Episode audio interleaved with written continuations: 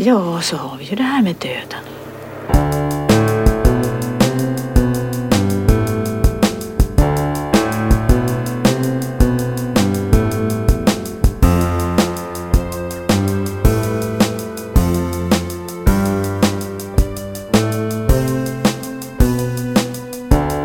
Hej och välkomna till Demonpodden! Podden där vi trodde oss hinna se igenom alla av Ingmar Bergmans filmer under året 2019. Men det sket sig, så nu sitter vi här 2020 och tittar fortfarande på Ingmar Bergman-filmer. Jag heter Kalle Färm och med mig som alltid har jag Aron Eriksson. Hej. Och Björn Waller. Hej! Och med oss eh, den här veckan, min syster Ellen. Hallå gutter! Ja, hej! Tillbaka Hej! från våra avsnitt om Sommarnattens leende och Kvinnodröm vill jag säga. Det var ju tillbaka i påsktider. Ja herregud, det var en stund sedan nu. Och i äkta? Bergman-stil så är det inga konstigheter med att en familjemedlem pratar norska. Precis. Ja, det är lite spökliga kopplingar här eftersom min eh, brors dotter heter Liv också. Så det är Ja. lite extra. Mm. Men men, jag ska inte prata så mycket norska. Jag ska försöka hålla mig undan det. Men eh, det kan komma någon svorsk bara av att jag sitter faktiskt hemma i Norge och spelar in just nu. Så helt plötsligt kommer det någon liten, eh, jag vet inte, något, något norsk i vart fall. Ja, jag ska försöka undvika det. Du får spara det tills de ögonblicken där det verkligen behövs. Då hade jag behövt en danska istället. Vi har samlats här ikväll för att prata om Söndagsbarn från 1992. Återigen inte en film regisserad av Ingmar, men skriven och den handlar ju även om honom. Och dessutom är det ju hans pojke Daniels första film som regissör, vill jag säga. Så ja, Ja, det verkade men- mest vara tv annars på hans meritlista. det kanske är så. Hade han regisserat saker för tv innan kanske innan där? Det är nog hans första biofilm i alla fall. Ja, det stod i vart Ja. fall att han vann pris för bästa debutfilm eller något sånt. Ja, just det. Tyckte jag såg på Wikipedia. Men innan vi ger oss in i Söndagsbarn så har Aron, kan ni tänka er, sett lite mer än vi andra. Vad har du sett denna vecka Aron? Jag har sett Markesinnan de Sade som finns på SVT Play. Och det är en pjäs av Mishima Ja, som. Bergman satte upp 92. Och det är sex kvinnor på scenen. Markisinnan de Sade är Stina Ekblad. Ja, det är dessa kvinnor runt den ökände markisen. Tre akter där de pratar om sina liv och sina känslor, sina luster och sina laster. Ganska filosofiskt och uttömmande. Så man gillar att titta på sånt. Jag har ju förstått äh, efter, efter repetitionen avsnittet att inte alla tycker att det är så kul med dessa djupa monologer där folk ska berätta hur de känner. Men jag gillar det. Och ja, en ganska snygg, snygg även designmässigt teaterpjäs. Jag tänker den var lite stiliserad på scen och det översattes ganska bra till tv. Just det. Så en bra pjäs. Ja, vad kul. Jag Ja. kan egentligen inget mer om Mishima annat än att jag sett, eh, vad heter det, den biopicen som Paul Schrader gjorde, för övrigt en av de bästa biopics jag vet. Eh, som innehåller en hel del liksom, sekvenser från hans olika pjäser och sådär. Men, men det var nog för att få göra mig lite nyfiken på mer. Så det är kanske är hit man ska gå då och se vad Ingmar gjorde av det. Ja, Är det en eh, liveinspelning på scen eller är det liksom som att det nej, ska den, vara? är- de, de satte det för tv och Ja. utan publik. Men han hade gjort den på scen först. Det finns också en, en intervju till det hela, också den på SVT Play. Jag tror den heter Inför Markisinnan de Sade. Kanske visades den på tv just innan. Där Vilgot Sjöman och Ingmar pratar lite. Men man ska ju inte se den före för den avslöjar i slutet. Okej. Ja, det är ju inte direkt en handlingstung pjäs det här heller, men ändå. Men ändå. Eh, Ja, det är lite intressant här i intervjun med Vilgot hur Ingmar pratar om att ja, Mishima vill ju säga någonting väldigt viktigt om sig själv och den problematik han kände om sig själv. Och han Mm. förstod att det skulle vara banalt om han bara gjorde det liksom självbiografiskt. Så han gjorde det genom de här kvinnorna. Och då kan man tänka på Ingmars filmografi. Så vad är det ytterligare ett steg då i att vara extra öppen om sig själv om man tar en mask till och gömmer sig bakom Mishima. Mhm. Ja. Men den behandlar i alla fall den här kosmiska ondskan som Ingmar ibland Är det inte någon mer som, eh, som använder sina kvinnor, tänkte jag säga, alla sina filmer? Är det, Almodovar eller eh, hur? Al- Almodovar pratar väldigt gärna genom sina kvinnor, ja, om sig själv. Ja. Det finns definitivt en del av det där i. Även om, han, även om han, precis som Ingmar, nu mot slutet av sin karriär verkar vara beredd att prata lite mer direkt om sig själv. För hans senaste film är ju mer eller mindre en självbiografi. Okej. Mm. Mm. Smärta och ära. Jävligt bra faktiskt. Ja, men med det sagt om markisinnan så eh, går vi väl vidare till kvällens huvudsakliga film Söndagsbarn från 1992. En film som inte tekniskt sett är en uppföljare till Den goda viljan. Men nu när man kom direkt från Den goda viljan och precis hade sett den så hade jag lite svårt att inte tänka på den som så ibland. Men innan vi ger oss in i diskussion om den kan jag väl läsa ett kort synopsis. Denna vecka inte från Regi Bergman utan snarare från SF Anytime där jag såg den här filmen. För Regi Bergman behandlar ju faktiskt bara filmerna som är regisserade av den gode Ingmar. Förutom Hets av någon anledning. Så där finns inget synopsis att ta. Pojken Pu växer upp med en far som är präst. Sommartid håller fadern gudstjänster i Dalarna där familjen har ett semesterhus. Hans humör pendlar kraftigt från varmt till vredesmod och den unge pojken utvecklar ett komplicerat förhållande till sin pappa. Det finns en intressant tvetydighet i hur de skriver där när de skriver hans humör pendlar kraftigt från varmt till vredesmod. För det kan nämligen gälla såväl Pu som hans pappa. Mm. Eh, Jag vet inte om det var medvetet av SF Anytime eller om det bara var lite klantigt uttryckt. Men eh, det funkar vilket, vilket som. Det kanske blir mest spännande, höll på att säga, att om vi bara tar lite kort vad vi tyckte om filmen först. Om vi börjar hos Ellen som ju inte just har suttit igenom fem och en halv timme, Den goda viljan. Eh, och, och, och, och kommer in med kanske lite mindre beka, bekant med Ingmars föräldrar. Vi som precis, som sagt, redan har sett en film om dem. Jag har läst mig till lite info om hans föräldrar och sådär. Men jag kan inte säga att jag någonsin har sett Den goda viljan. Jag vet inte vad jag tycker om den här filmen. Jag har jättesvårt förhållande till den. Jag, jag har precis sett den för kanske två timmar sedan eller något sånt. Och jag vet, jag vet fortfarande inte vad jag tycker om den. Den har ju väldigt Alltså den är väldigt mysig, väldigt fint foto, väldigt varm känsla på något sätt. Och sen bara, nej. Precis som jag, jag, för det. Nej, precis. Och eh, som, som jag nämnde på någon av de tidigare poddarna, det kä- känns som att jag vill ha mer. Det blir ingen riktigt slut på det. Och egentligen ingen mitt, mitten heller. jag, jag vet inte, jag har någon form av hatkärlek här. Mm, Okej. Om du vill ha mer så är det ju lätt att veta var du ska leta. Ja, ja, Den goda Det viljan finns fortfarande på öppet arkiv. ja, men det kanske är just därför jag känner så. Just eftersom jag inte har sett Den goda viljan och det var en evighet sedan jag såg Fanny Alexander. Så, så känns det som att bara, jaha, vad var det här? Den var väl söt. Och eh, traumatiserande bitvis. Jag tyckte den var mer söt än traumatiserande. Även det var det en är specifik bit där som vi säkert kommer in på sen. Men eh, eh, ja. Ja. Ellen älskar urmakarsekvenserna som väl några av dem vi kommer diskutera mer flitigt gissar jag. ja, precis. Vi behöver, inte, vi behöver inte prata om det nu tänkte jag säga. Men eh, nej, det där som jag skrev till Kalle, att, eh, det där kommer jag bära med mig på hornhinnan resten av mitt liv. Helvetes jävla skit Ingmar.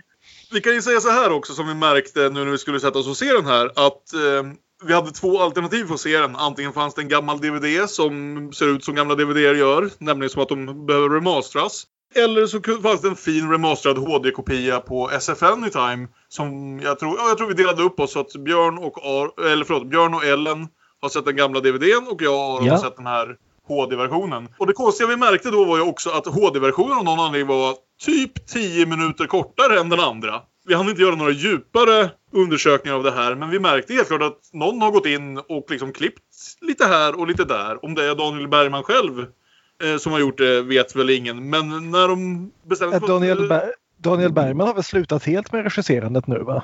Ja. Det vore, det vore ju underligt om man liksom har unretired i fem minuter för att mastra om sin film och sen gå tillbaka till sjukhuset. Som de gör. Den, den ser otroligt fin ut i den här HD-kopian ska vi säga. Så jag Ja. tycker nog ändå att det känns värt det bara för att eh, den rent visuella skillnaden.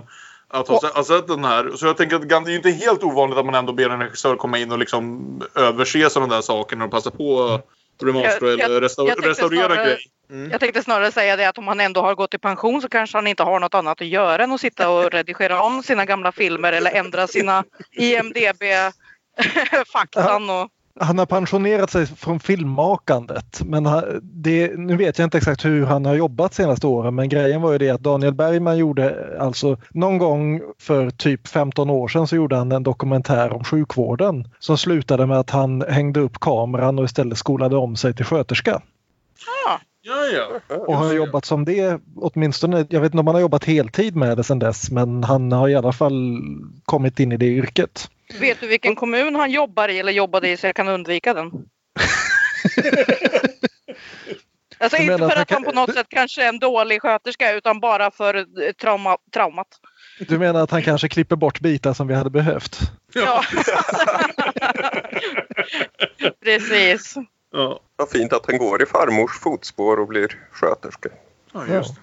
Jättebra. Men, ja, men vi lär väl märka här under vår diskussion om Ellen och Björn helt plötsligt börjar prata om bitar som jag och Aron inte har sett helt enkelt. Men men, för Ja. genom min korta genom, genomspolning så hann jag bara märka två små saker som saknades. Ja.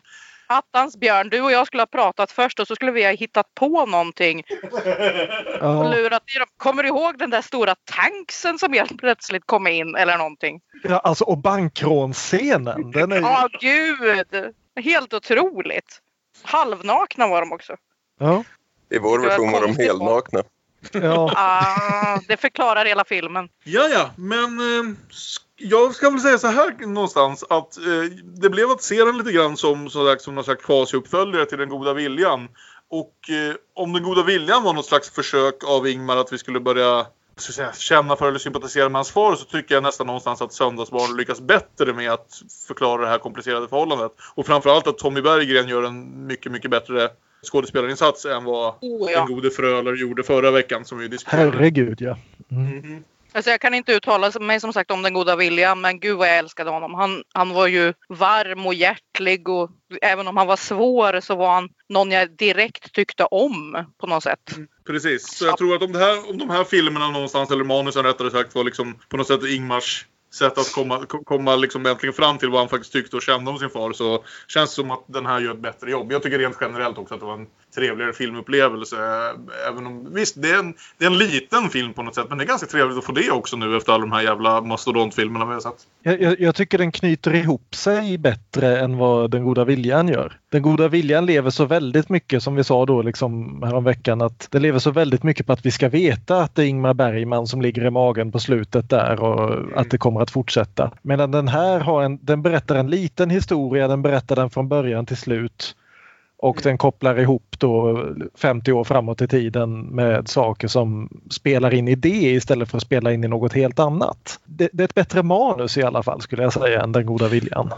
Jag skulle nog säga att det kanske är ett bättre... Alltså här märks i alla fall att det liksom finns en regissör som försöker göra lite saker. Sen kanske han ibland försöker göra lite väl mycket saker. Vilket känns som en typisk så här, vad ska vi säga, inte nybörjarmiss men i alla fall nybörjar... eh, Entusiasm. Ja, precis. Nybörjarentusiasm. Ah, nu ska jag jävlar i mig få regissera en film här känns det som ibland. Vilket är ganska kul. Och definitivt Mm. liksom lite mer energifyllt än, än Den goda viljan. Men kanske också ibland går lite till överdrift. Men, Eh, men. Du klagade på efter repetitionen att det kändes som att Ingmar inte hade någonting att bevisa. Mm. Det här känns ju som att Daniel tar i ända från tårna. Nu ska ni få Absolut. Nu jävlar ska ni få se allt jag har, har tänkt på ett bra tag. Pappa, Ja, men do you på- see på- me? Både och. Både och. Det känns också som att han tar i från tårna som ni säger. Men, men också som att det är bara äh, jag orkar inte riktigt just nu. Och så tar vi igen. Ja, Och så ja. äh, vad fan, äh, jag skickar vidare det här till någon annan. Och så tar vi igen. Han var så upptagen med de här idéerna han brann för att resten hade han helt plötsligt ingen inspelningstid kvar. Nej, det, det som pappa har skrivit, ja ja men det blir säkert bra ändå. Lite så. Ja, Hur jag som håller helst. väl med er att Den goda viljan, det var en bra film men åtminstone jag kände att jag var lite på avstånd. Det här gick mer rätt in i hjärtat. Mm. Det är nog ungefär så jag känner också. Ska vi dra igång? Visst. Kan vi? En sak Daniel har lärt sig av pappa är att förtexter, det lägger man på vatten. Ja. Mm. Och där noterar vi också, bara apropå ingenting alls, att klipparen för filmen heter Darek Hodor, vilket är ett ganska imponerande namn. Hodor! Hodor! Exakt. We are the Daleks. Dalek Hodor hade ju varit det värsta nördnamnet någonsin. Bra kombo. Ah, ja. Och vi introduceras för Lille Pu, Lille Ingmar, när han springer. För, för det ska vi säga också, till skillnad från den goda viljan så har alla sina rätta namn i den här filmen. Ja, Till synes i alla fall. Så långt jag vet, ska jag säga. Men, men ändå. Ja. De, Jag ska flika in en sak här. Att jag, jag tror jag höll på att kolla lite så att min eh, film fungerade och sådär. Så jag, jag missade lite av förtexterna. Jag kom rätt in på, på konduktören eller han tågmästaren. Och trodde jag hade fått fel film. För jag tänkte, vad fan gör Christopher Plummer i den här? Jag, jag tänkte, det här är ju inte rätt film. Och sen började han prata svenska och tänkte ah okej, ja då kanske. Jag ville inte släppa det att han var otroligt mångsidig. det är ju och då inte... God dag, unge herr Bergman. Det är ju då inte Mr Edelweiss det här, utan det är ju vår gamla vän Halvar Björk som eh, var den sämsta biten med höstmaten för vissa av oss. Jaha, ja just det. Ja, som spelar tågmästaren här. Och ja, vad, vad går det att säga om det här? De är där allihopa i lite olika ordning för att möta pappa när han kommer med tåget ut till, upp till Dalarna från Stockholm. Där han har hängt med kungen och drottningen så, så, så som vi som såg den goda viljan vet att, eh, att han gjorde. Mm.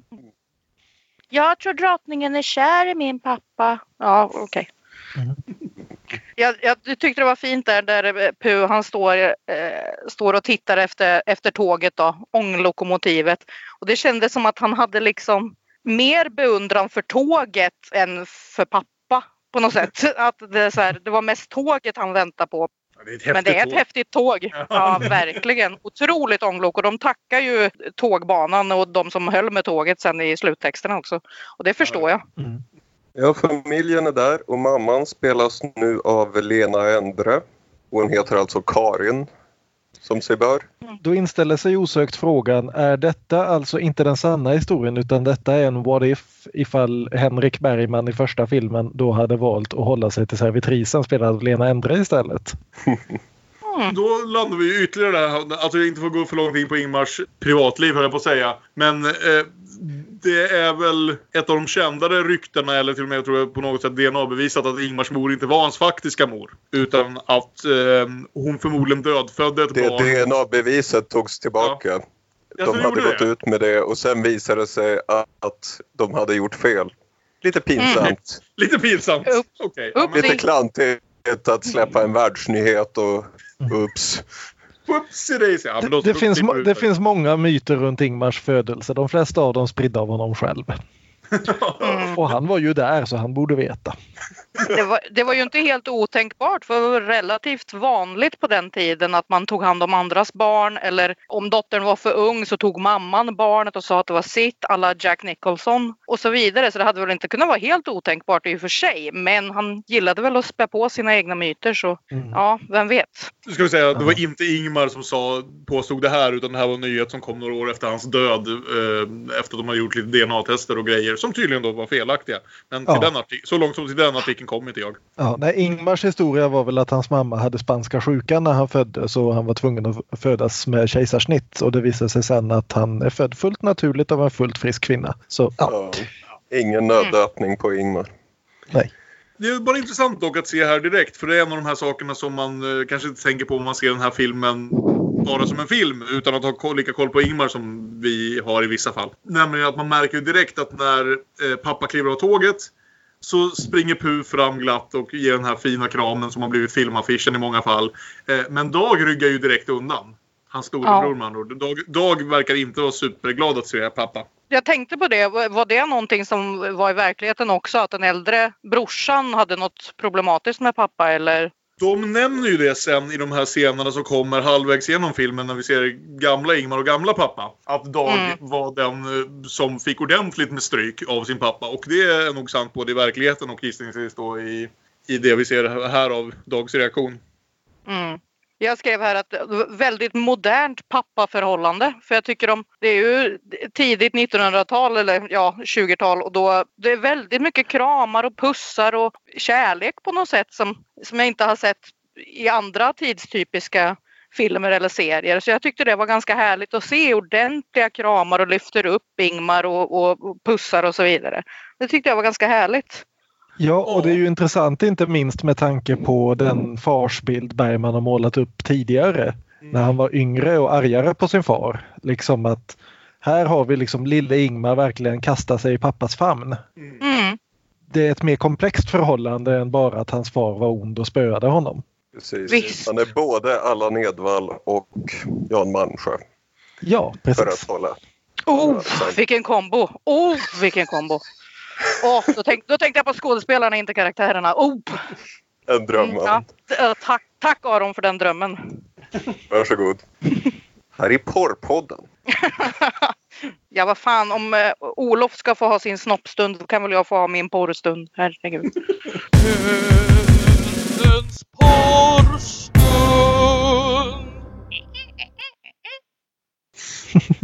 Vi får också träffa en karaktär till ska nämnas här, även om vi inte får klart för oss exakt vem hon är förrän om ett par scener. Nämligen barnflickan Maj som vi också minns från Fanny och Alexander. Ja, exakt. Ja. Fast den faktiska barnflickan Maj. eh, Ja, precis. Spel, spelad av Maria Bolme, numer som på senare år har gjort sig mer känd som Brumme-Lisa. Ja, just. Jaha! Nej, vad kul! Ja. Och sen så klipper det till barnlek och nu får Daniel pröva på att regissera saker och använda kameran till sitt yttersta. För nu blev det hårt med zoomningar och tvära kast och moderna klipp och Jean-Pierre Jeunet skulle varit glad. Vi, Ja, vi, men det får är ju se, ett sjöslag. Det är en enorm Ja. actionscen. vi får se Dag spöa upp eh, en grannunge och nästan dränka honom. Det är väl värt att påminna sig här att Dag Bergman alltså växte upp till att bli diplomat.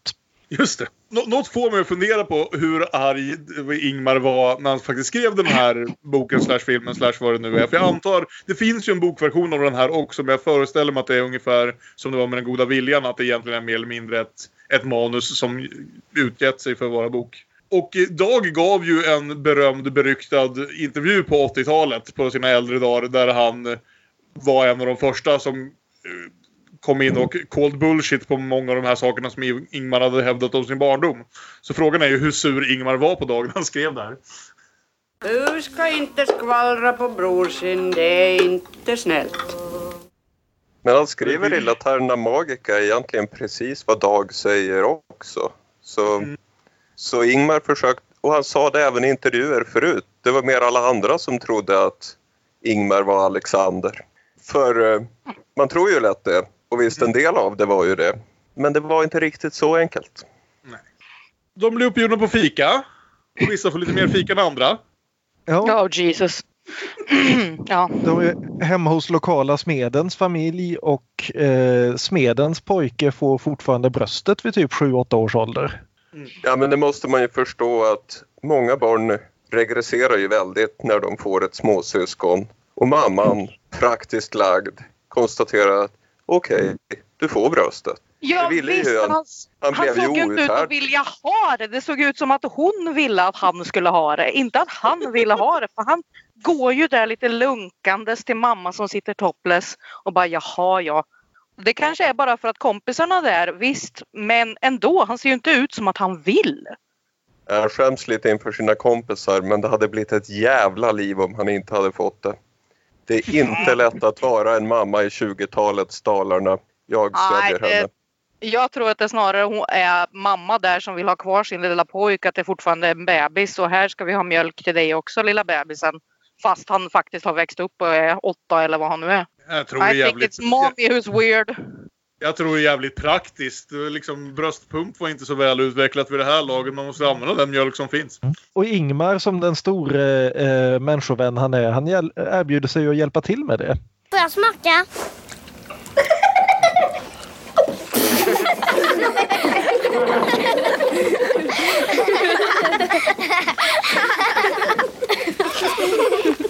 Inte mig emot nu! Jag tror att du får lov att fråga mormor eller morsan först. Alltid pragmatisk. Ja. Ja, men jag förstår inte. Alltså jag förstår de som, som eh, ger bröstmjölk till sina äldre barn eller till andras barn eh, när det var ont om mat eller det var, det var, liksom, det var liksom i nöd, nödlösningar och så vidare. Men, men här, de sitter ju fan med med bullar och sirap och saft och till åtta barn. Och så tvingar hon in sin åttaåriga pojk till att komma och snutta lite. Och jag, nej, nej, jag förstår inte. Sen att Ingmar vill ha, det kan jag förstå. Mm. Jag, nej, det börjar redan här. Nej, jag förstår inte. Det vi, ter sig lite snabbtakt- udda med dagens ögon. Men Ja. Vi får i snabbtakt här två scener som säger oss något om den unge Ingmar. Att han började få lite intresse som han nog knappt själv var medveten om vad de var för något. För dels först här då börjar han fråga om han också kan få, få, få lite av bröstet. Och sen så när han kommer ner så märker han ju att Maj står och flörtar med smeden. Och eh, verkar inte vara överförtjust i det heller. Och vi har ju redan kunnat gissa oss till från Fanny Alexander ungefär vad Ingmars förhållande till sin barnflicka var. Och hur förtjust han var i henne. Så han- där är det väl inga liksom, svårigheter med att lista ut hur, hur, hur Pus känslor är lagda. Ja, men, också, men också, Rau, såg du smeden eller? Han, han skriver ju också det i en artikel i Aftonbladet om familjen att vi är många. Morfar, fa- moster Emma, tre barn, tant Märta, barnflickan Maj som jag älskar, kokerskan Lalla och en ung kvinnlig vän till familjen Ja. som heter Marianne som jag också älskar. Så- Nej, vad fint. Ja, Jo, men, Men det märks ju speciellt- tydligt att lilla Pu är väldigt kär i Maj. Och Maj känns också väldigt varm och kramgod och man förstår ju precis vad Pu ser i henne. Absolut, vem hade inte blivit kär i Maj? Ja, hon är väldigt älskvärd. Och det är ju en gullig scen med Pu och Maj när de går hem då efteråt genom skogen. Och Pu är ju väldigt svartsjuk på den här smeden. Och han gillar inte att barnen skrattade. Och nu när han går igenom sina hämndplaner hur han ska kniva ihjäl storebror så skrattar ju Maj åt honom. Nej, det gillar han inte. Men Maj är ju så fin. Du måste förstå att folk skrattar åt allt möjligt. Du kan inte bli arg för det. Det är ju helt sant. Och där har har vi vi ju- också räven. Som jag först trodde var ett kvinnoskrik. Men det är ju räven som skriker där i skogen när de går. ah. Det, det ljudet hör jag ofta eftersom jag bor bredvid skogen. Och undrade först också, herregud vem är det som blir mördad här ute? Det är Så, räven. så, så som norsk korrespondent så kan du alltså bekräfta What does the fox say? Precis, jag tänkte säga att det här var ju typiskt att jag måste göra Ylvis-kommentaren men ja, jo. Så, så är det. Sen har vi ju en, eh, fam- eh, de går ju direkt från det här bullfikat och eh, mjölkfikat till eh, middag i det Bergmanska hemmet.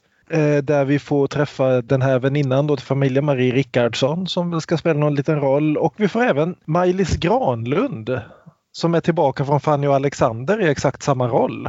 Ja, just det. Det, det är en rätt kul grej att det, det, det är två skådisar här som repeterar sina roller från Fanny och Alexander. Är det hon som är Så- Lalla? Det är hon som är Lalla, precis. Ja. Hon hette inte likadant i Fanny och Alexander men man får väl utgå från att det är samma person hon spelar. Ja. Och jag ska även säga så här att jag tror det, och det står två personer credited som Lalla. Och jag tror det är så lätt som att Maj-Lis Granlund dog precis under inspelningen. Så resten av det är någon annan som spelar Ma- Lallas rygg i scenen. Ah, okej. Jaha. Ja. Jag skrev eh, kommentar- två kommentarer här på middagsscenen här och den ena förstår jag inte riktigt. Men först skrev jag hur i helvete hann de äta upp köttbullarna? De sitter där och vi får närbilder på köttbullar med brunsås och det ser väldigt gott ut och sen helt plötsligt ja nu kan vi ta in krämen. Ja. Och sen skrev jag också pappa lika med pedofil eller bara tråkig? Frågetecken.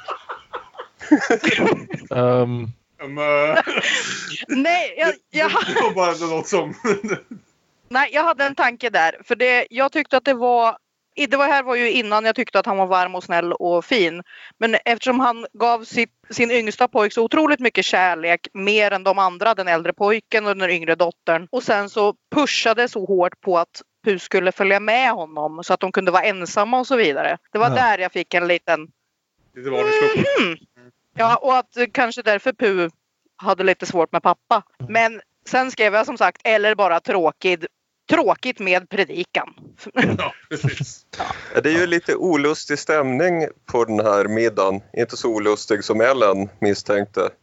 Nej, Men- tack och lov. Ja, makarna Bergman. Det är lite små, svårmanövrerad terräng där de emellan. Ja, pappa Erik försöker ju lätta upp stämningen lite när han ska vara lite rolig med lilla Pu. Men det går ju sådär alltså. Så, så jag Och- förstår att du kanske anade ugglor i mossen. Ja, Mm. och det är ju också det här som vi vet redan från eh, Den goda viljan att hans förhållande till sin svärmor är ju om milt uttryckt inte det bästa. Nej. Så när han precis har hunnit anlända från Stockholm och det första han får höra är att ja men mamma och min eh, äldre bror kommer på besök om några timmar. Så blir han ju inte helt Ja, nöjd med det.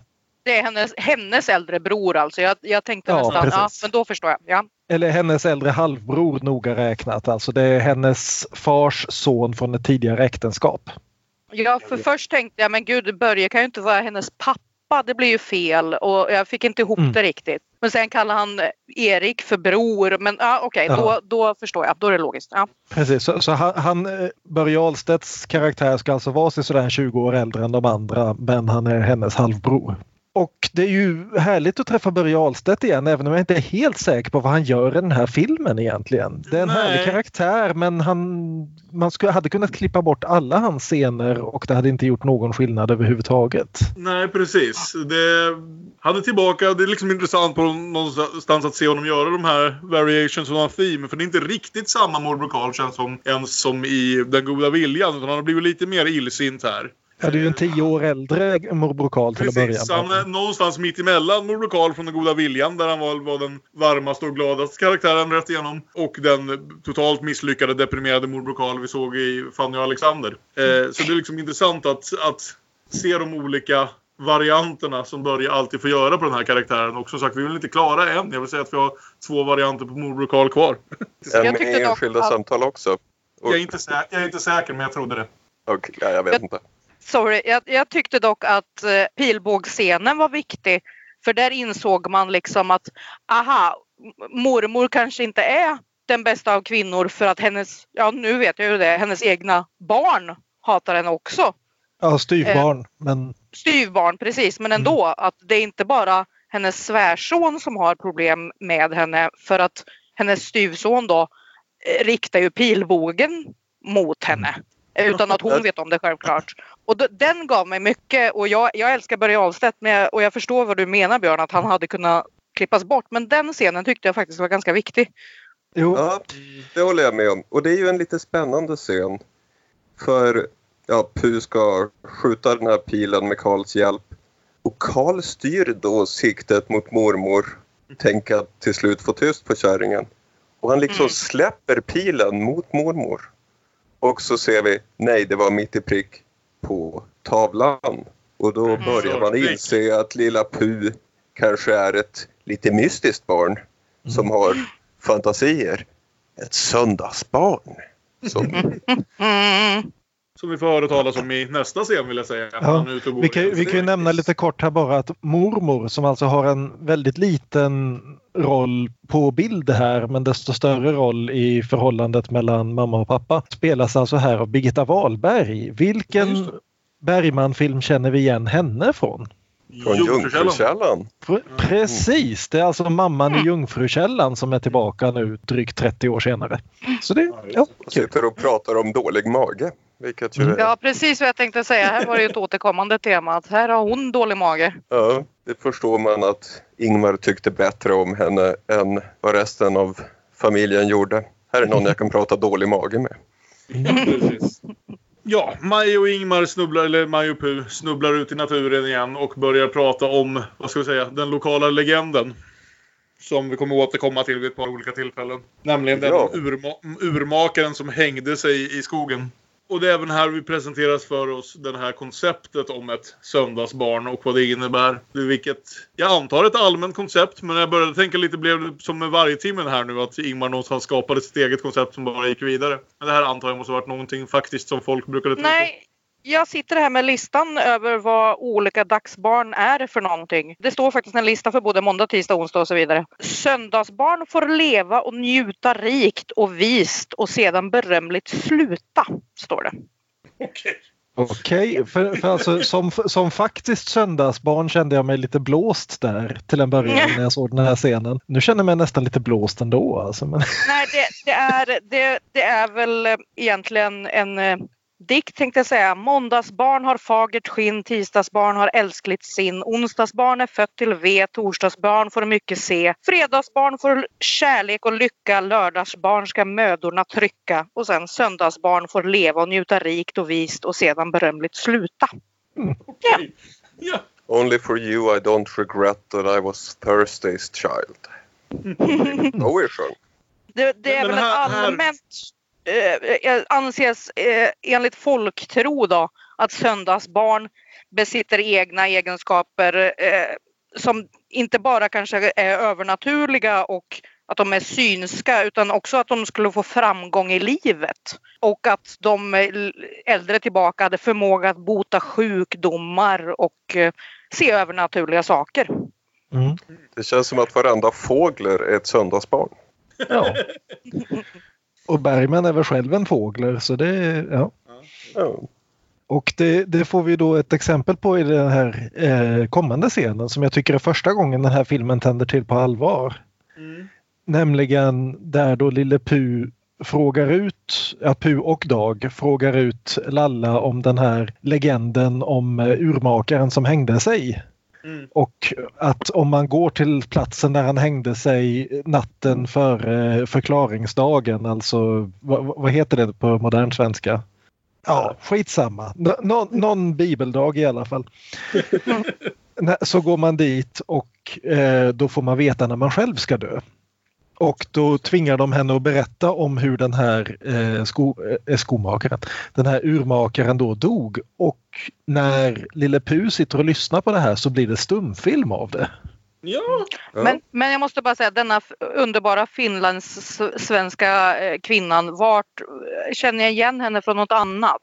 ja, det är hon, Hon som är från Fanny. Alexander. Hon, som- hon, Ja, det hon är som det. Dog, hon som dog under inspelningen någon gång här. Ja, ja okej, då är jag med. Det är hon, som har en, en av de bästa replikerna i början av Fanny och Alexander där farmor håller på och liksom ger alla pigor sina order och när hon har gått ur rummet så eh, säger då Miley's karaktär Jävla kärring.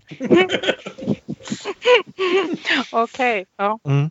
Men, men just det här att det då blir stumfilm av det och jag reagerade först liksom varför blir det det innan jag liksom klickade att ja men det här är ju 1926. Mm. Eh, lille Ingmar har ju redan börjat hänga på stumfilmsbiografer. För honom är det så här han föreställer sig saker. Precis. Ah, det är klart. Det är Så liksom långt bild... kom jag inte. Ja. Han har redan börjat tänka filmiskt här och det han Det- känner till är väldigt, väldigt blåtonade och överspelade stumfilmer. Den var inte blåtonad i HD-versionen vilket jag tyckte var ett minus. Det tyckte jag Okej. var mycket bättre i Mm. lo-fi-versionen. Mm. Mm. Ja. Ja, för att här, den vi såg så att säga, där var den något blå och lite så här, Ja. inte helt klar på något sätt. Nej, Den är precis. väl- mystisk. Mm. Men den är ju väldigt Restaureringen är för bra. Som Mm. det är ibland. Jag, Men- men- jag drog direkt väldiga paralleller till eh, Edgar Allan Poe och eh, Korpen. Eh, Nevermore. Det var, det var det första jag tänkte på. Han sitter där med sin klocka och ja, mår inte Det var- speciellt bra. Det var inte den parallellen jag drog faktiskt. För alltså, historien handlar ju om den här urmakaren som då i klockan hittar en dörr som leder in till ett ännu mindre rum där det sitter en liten, liten kvinna och gråter. Och det jag tänkte här att det är ju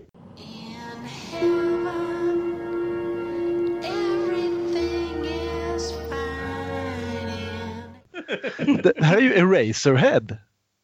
Ja. Ja. Ja, Det är inte så långt man. ifrån. Ja. jag, jag, jag, jag drog två paralleller som kanske talar väldigt mycket om vem jag är. Eh, nämligen eh, det var Edgar Allan Poe och Narnia. Ja. Och jag tänker alltså, på Fritz Lang. hela den här sekvensen är ju, den här sekvensen är ganska underbar. Alltså den är lite överregisserad nästan men, men på ett väldigt kul sätt ändå. Den Mm. blir väldigt så här, som, just som man föreställer sig att en ung pojk skulle kunna, för, alltså, men, som har sett stumfilm. Jag tycker liksom det funkar för vad det ska vara. Ja. Det är ju- Jo, det funkar är- jättebra. Ja, det är en härlig sån här sekvens i sig. Mm. Kan jag också n- nämna här att jag vet inte vem den här klockmakaren är, men eh, den blinda flickan som bor i klockan är Melinda Ja. Kinnaman som är Joels stora syra. Det var Mm. precis det jag tänkte säga. eh, jag- För det, är- när han väl har fått ut henne ur klockan där och lägger henne på sin säng så, så skrev jag ner här otroligt vacker. Lika vacker som sin lillebror, skrev jag. Mm. Hon hade ju kort innan fått sitt genombrott i Mitt liv som hund. Ja, just det. Som ju en film som den här man kan dra lite alla möjliga paralleller till när man ser den här. Mm. Mm. Hur som Han, helst. plo- han plockar ju ut henne ur klockan där hon har suttit och eventuellt fått klockan att inte fungera. Han försöker ju laga klockan där. Plockar ut henne och blir väl, om inte kär som de säger, men otroligt, vad ska man säga? Kåt. Tagen, ja det med. Tagen av henne. Så att säga. Mm. Och han slår sönder klockan och då får hon spel, flippar hon ut fullständigt. Och han försöker lugna ner henne och eh, kokerskan antyder väl att han våldtar henne. Hon säger någonting i, i stil med att man ska nog inte tala om allt som hände i den striden. Nej. Och det slutar med att han Visst. måste slå ihjäl henne för att få henne lugn igen. Till slut fick urmakaren tag i sin hammare och slog sönder kvinnan på samma sätt som han slagit sönder klockan. Han var nästan besinningslös. Och när han lugnat sig grävde han en grop i trädgården och sänkte både fruntimret och klockan i gropen. Och mindre än ett år efter det så hängde han sig. Alltså jag älskar hela den här, eh, dels det att hon hoppar ju upp på hans rygg och sätter Ja. sig.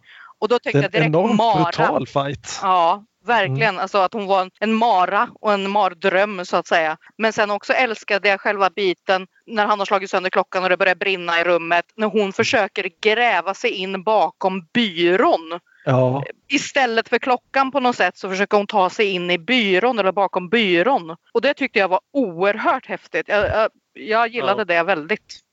Hon försöker ta sin flykt in i något annat liksom. Household object. Nu när klockan inte Ja längre. men, ja men lite så och, och något skåpliknande eller liksom så här gömma sig eh, i allmänhet. Jag tyckte det var väldigt kraftfullt. Ja, nej, men det är en jävla bra sekvens måste jag säga. Den sticker ut som en av de här intressantare. Det är väl inte tekniskt sett en drömsekvens men det är ju något snarlikt. Ehm, Och som en sådan är en av de bättre vi fått på ett tag tycker jag. En liten film Ja. i filmen. Ett annat Mm. kärt tema. Visst, och det, det är väl det de säger, berättar sen att det var efter det som han gick och hängde sig så att säga. Men det kanske, Ja. inte, man, det kanske inte var därför. Men, det var Det ett var helt efter det. år efter till och med. Så, ja. ja. men det är där jag drog parallellen just till, den, till, till myten om en mara också. Att Mm. det, hon kanske representerar något annat. Hon kanske inte... Ja, hon kanske var någonting i hans huvud. Innan de går och lägger sig får vi träffa Marie Rickardsson igen i en kort scen. Som vännen till familjen, Marianne. Som sjunger en sång. Och Dag är ju lite kär i, i denna Marianne. Tu är kär i Maj, Dag är kär i Marianne. Och Mm. han ska bli operasångare precis som hon är. Och sen när de går och lägger sig då och tittar i... Dag tittar i en bok med nakna kärringar. Citat. Vad gör du? Håll käften för fan. Mm. Och kan passa på att lära Ingmar lite grann om eh, underhållningsbranschen, hur den fungerar. Du får titta i nudisttidningen om jag får fem öre. Och Dag Jag- blir väldigt vred när Pu hävdar att en av damerna ser ut som Marianne. Det gör hon fan i mig inte. Jag tyckte det här var... Det, det första jag tänkte på var Kalle. Alltså, inte några referat. Nå, nej, nej, nej, nej. Alltså nej, missförstå mig rätt. Eh, nej, det var inte så. Nej, nej, inte åt det hållet. Eh, det handlar inte om nakna damer eller något, eh, något annat som händer. Utan jag bara tänkte, eh, när vi var yngre, hur kom inte vi på idén att muta varandra? Alltså, eh, så här, jaha, men om du vill vara med på det här så får du betala det här och så vidare. Du har alltid haft några jävla pengar såklart. Ja, men vi hade veckopeng, men ah, ja, det, jag bara tänkte att direkt, ha, varför gjorde inte Kalle det här med mig? Det var Kalle jättekonstigt. blev ju faktiskt väldigt rik när han eh, slutade svära. Har jag läst i tidningen. det är en annan historia det. Mm. Men så medan Dag ligger där och knirkar lite konstigt i sin säng efteråt att Ungefär så, hör, så hör ju Ursäkta. att han, så hör ju Pu att hans föräldrar har en diskussion i sitt sovrum. Och nu är vi verkligen tillbaka i den goda viljan här. Ja, men Pu just vaknar av det här och vad fan nu då? En fin Ja. första replik på Men morgonen. gör, Gör han verkligen det? För där drog jag den parallellen också. Att urmakaren gick ju in genom klockan och såg den här lilla kvinnan. Pu gick ju in genom någon konstig dörr och såg sina föräldrar ha ett, en, ett samtal som, ja, men som han kanske inte skulle höra eller inte har hört. Och i slutet på scenen, så, så hur ser de inte honom? Nej. Undrar jag. Så jag funderar på om det är något söndagsbarnigt här också. Samtidigt så. så. går, så, samtidigt så går det ju in i en riktig scen och sådana här gamla hemmabyggda hus har ju lite alla möjliga konstiga dörrar fram och tillbaka. Så det är, ja, men det, det är en intressant tanke alltså. Ja. Och det, det är ju någonstans här att det, det är en av, som jag tycker är filmens svagheter, att den vet aldrig riktigt vilken sån här verklighetsnivå den ska lägga sig på. Den är jättebra på att göra enstaka såna här drömscener och enstaka väldigt verkliga scener men den är lite osäker på var den drar gränsen. Ja, det här är en ganska lång scen mellan Erik och Karin som, som bråkar. Han hatar sin svärmor. Hon vill tillbaka till Uppsala. Och Han kan inte bitar- förlåta en oförrätt. Nej. Och de bitar som bränner till lite här är ju när vi är i Pus perspektiv liksom.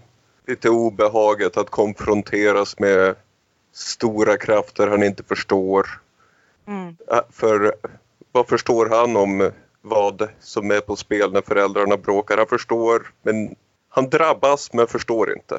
Ja, men också förstå att ens föräldrar faktiskt är egna vuxna människor och inte bara föräldrar. Att de kanske är snälla mot dig eller inte för den delen, men de har ett eget förhållande eh, som kanske inte alltid är helt bra. Men det jag tyckte var fint var ju också att hon vill ju sticka till Uppsala som sagt och ta barnen med sig och det- verkade nästan som att det var det som gjorde ondast hos Erik.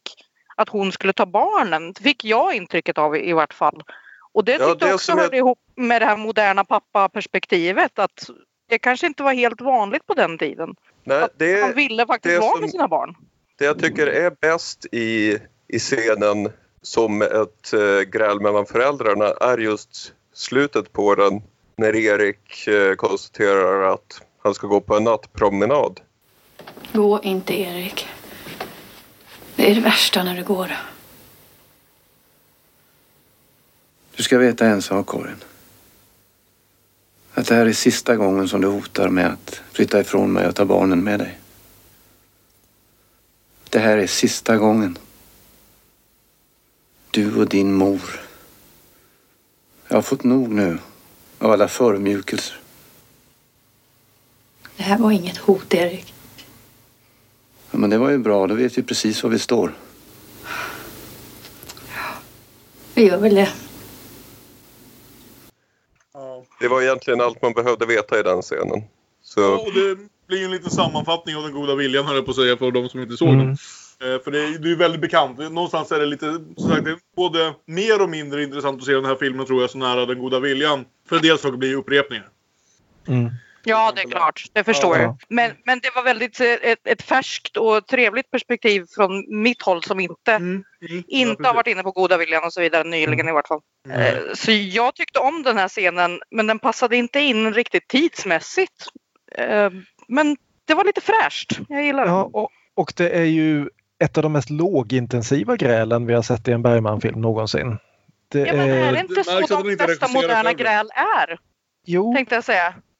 Att det, är, man, det, är of, det är inte så ofta som, som man kanske slänger tallrikar eller liksom skriker åt varandra. Framförallt inte med barn i huset utan att det blir mer en, en Nej, passionerad menar diskussion.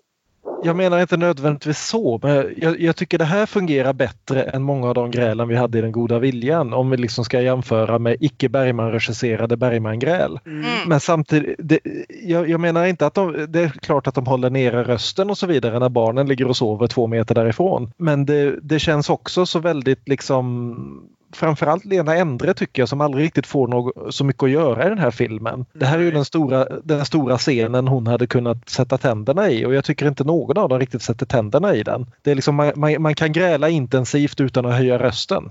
Jo, men och- det kändes som att det var folk som hade levt med varandra länge och att det var liksom lite uppgivet. Hon har gått Jo. med det här länge. Det var liksom ingenting att skrika om för det var redan, det var Ja. redan klart. Det var redan färdigt på något sätt. Jo, ja, det är möjligt. Ja. Det var så jag uppfattade det. Kanske inte var så såklart men Mm. Jag kände, jag kände i vart fall att det här var ett normalt äktenskapsbråk mellan, en trebarns, mellan två trebarnsföräldrar som har gett Jo. upp på sitt eget sätt. Mm. Det är ju intressant också att hon pratar om att åka till Uppsala och ta med barnen med sig och när han då frågar om hon vill skiljas så blir hon helt Va? Nej, skiljas? Var fick du det ifrån? Hon ryggar tillbaka som avtacklad av en 13-åring på Kastrup. Ja. Nej, ja. Herregud. Men även om hon inte kommer med ut på morgonpromenaden så gör ju Lille Pu det. Mm. Så där sitter far och son på första trappan och röker pipa, eller en av dem röker pipa. Och det är inte Ingmar. Pratar om spöken och mygg. Som man Mm. Visst, och jag tyckte det var så fint ljus och jag, jag kände att man var där på något sätt och det var en så fin Ja. scen mellan de två. Vad gör du uppe så här tidigt? Du ska ju sova längre. Det var så fint. Ja, fanta- fantastiskt fint både visuellt och, och som skrivet här. En av de scener som gjorde mig riktigt glad att jag såg den här upprestaurerade varianten måste jag säga. Men eh, ja, nej. Det är ju här någonstans. Det, Tommy Berggren har ju inte riktigt... Vi, vi såg honom inte supermycket i den här första halvan av filmen som ändå fokuserar mer på Pu. Men här någonstans så vänder det ju verkligen och han blir, vad ska vi säga, verkligen fokuset. Eller alltså det förhållandet blir verkligen fokuset för filmen. Och Mm. eh, jag känner nog den gör det starkare. Det är också direkt efter den här scenen som vi helt plötsligt- plötsligt Vi introducerar hör, en- ja, vi, vi hör en kyrkoklocka Mm. och, och så hör vi bilar som far förbi och så plötsligt så är vi i Stockholm cirka 1973. Mm. 68, det är en skylt som 68, står det är en 68. Gör det? Okej. Mm. Det missade jag. Det jag tycker det är intressant, alltså jag vet inte om jag tycker det är intressant eller en brist det här att man introducerar vad som traditionellt sett skulle varit en ramberättelse så här halvvägs genom filmen. Ja, det kom väldigt oväntat måste jag Ja. säga. Jag hade ingen aning om att det skulle dyka upp.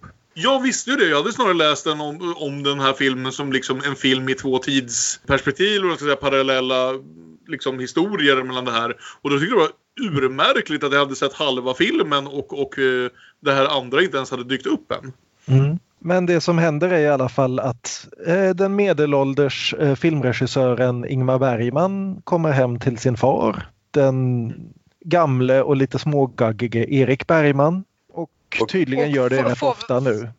Mm. Får väl inte träffa honom en gång utan får träffa en kvinna som jag inte riktigt har fått med mig vem hon är. Man ser en bild på henne och Erik när de är yngre och håller hand och att hon, hon verkar ju vara någon form av syster slash nunna, alltså så. Men mitt första intryck var ju att hon var den nya kvinnan så att säga. Jag får väl mer Men, eh, intrycket att hon, hon, eftersom hon kallas för syster Redit att hon alltså är sjuksyster. Mm. Mm. Ah, sån syster, ja. Direkt, Ja. direkt gick till eh, katolska sidan och tänkte syster. Ja. Mm. Vad gör ni där borta i Norge? Ja. De, de Vi, har i alla har fall vi har fetischer du inte vill veta om Björn. De har i alla fall lite fint samtal här om hur hans far är orolig för att hamna på långvården. Och så har vi den mest Bergmanska replik man kan tänka sig, nämligen ja, och så har vi det här med döden. Ja, jag Ja. tänkte också på det! Jag älskar det. Mm. Ja, och han, hon nämner väl också att eh, Erik tror att de bara är ute efter eh, lägenheten. Att eh, Mm. ho- hon, systern och Ingmar då bara är ute efter våningen i Stockholm. Ja, pappan är ju, får vi höra, sjuk och förtvivlad och paranoid. Och verkar ha tappat all tröst som religionen gav. Mm. Ingmar det- spelas här av Per Myrberg kan vi skjuta in. Och det Mm. störde mig lite att Ingmar såg ju inte alls ut så där 1968. Nej, men Nej, jag, han är jag, mycket tycker, äldre. men han gör, jag tycker han gör en väldigt bra för någon som inte alls ser ut som Ingmar Bergman så tycker jag att han gör en bra Ingmar Bergman. Han låter som Ingmar det? Bergman. Ja. Jag tyckte inte han gjorde det. Men ja, Mm. Hjälp mig återigen, vart känner jag igen Per Myrberg ifrån? För jag känner igen honom något oerhört. Men nu är De det slut med det för nu ska 34 bort. Ja, nu är det slut på gamlet. Ja. Okej. det var inte... Okej, då... Ja, där ser man. du känner antagligen inte igen honom från reservatet och de två saliga. Men det gjorde jag. Men, men möjligen från Hedebyborna eller Rederiet. Så alla var ju Rederiet på ungefär den här tiden. Alltid Rederiet. Ja, okej, då, då är det säkert därifrån. Där ser man. Fina kopplingar. Mm. Och när de har suttit där och pratat en stund så, så vaknar ju pappa och kommer in i rummet och frågar om Karin har kommit hem, det vill säga hans döda fru. Ja. Och Ingmar blir väl lite skakad här liksom, herregud, tror pappa, är pappa så senil nu? Mm. Men får förklarat att ja, nej, men han, han är bara lite förvirrad när, just när han har vaknat. Det var en fin kontrast just ifrån det här med att vi precis har sett dem i realtid bråka då. Eh, Mm. Och säga att hon ska lämna honom till den där eh, kärleken att vara Karin, vara Karin. Ja, Eh, på senilitetens brand liksom. ja. Jag ty- tyckte det var fint. Och sen tyckte jag det var väldigt fint när jag googlade också och kollade upp Ingmar Bergmans föräldrar och lite sådär att de är ju faktiskt på riktigt begravda i samma familjegrav. Så det, det tyckte jag var lite fint att tänka på i förhållande till den här filmen. Att de hamnade på samma ställe till slut. Och överhuvudtaget så gör ju filmen väldigt mycket av det här, framförallt mot slutet, just de här parallellerna mellan Ingmar och hans far 1926 och Ingmar och hans far 1968. Mm. Ja, det, Det- tycker jag blir väldigt effektivt. När Ja. de sätter in den här två tidslinjer eh, manicken i historien så tycker jag det används väldigt väl. Mm. För det är återigen det här som vi kommer att se som Staffan tog upp i Den goda viljan avsnittet att de här filmerna handlar om Ingmar Bergman tidigare gjort filmer om sig själv och om sin far så gör han nu filmer av hur han har blivit sin far. Ja, för jag Och- tycker den gamle Tommy Berggren, så, ja, vi får inte träffa honom så mycket nu, men sen. Jag tycker han gör en bättre Ingmar impersonation än vad Per Myrberg gör. Okej. Mm. Det som Ja. inte funkade för mig där var ju ålderscastingen tänkte jag säga. För att Erik här i sina gamla dagar, det är väldigt fint smink och sådär och han ser ju äldre ut och så vidare. Men Myrberg ser ju äldre ut än sin egen far. Ja, Och, och det Mm. funkade inte för mig. Alltså. Det, det irriterade jag mig på alla de här 68 bitarna. Att herregud, de ser antingen jämngamla ut eller att sonen är äldre. Och det, Ja. det funkar inte. Alltså. Det, det, det ligger väl något i det. Tom Bergen är ju såklart yngre än Per Myrberg men och, och jag menar Ingmar var inte var inte dagsfärsk 1969 eller när det nu var. Men, men 60, ändå, jag han var håller- 50 då och Ja, exakt Myrberg, 50. Ja, precis. och Myrberg är 60. Så Mm. Ja, Mm. Ingmar var inte vithårig på den tiden. Men igen. Mm. Vi är i alla fall tillbaka 1926 klockan fem på morgonen i Dalarna. Och det är Ellens favoritscen. Ja, För här, här vill när du somnar Ingmar... till Ja, och vi precis. får sätta in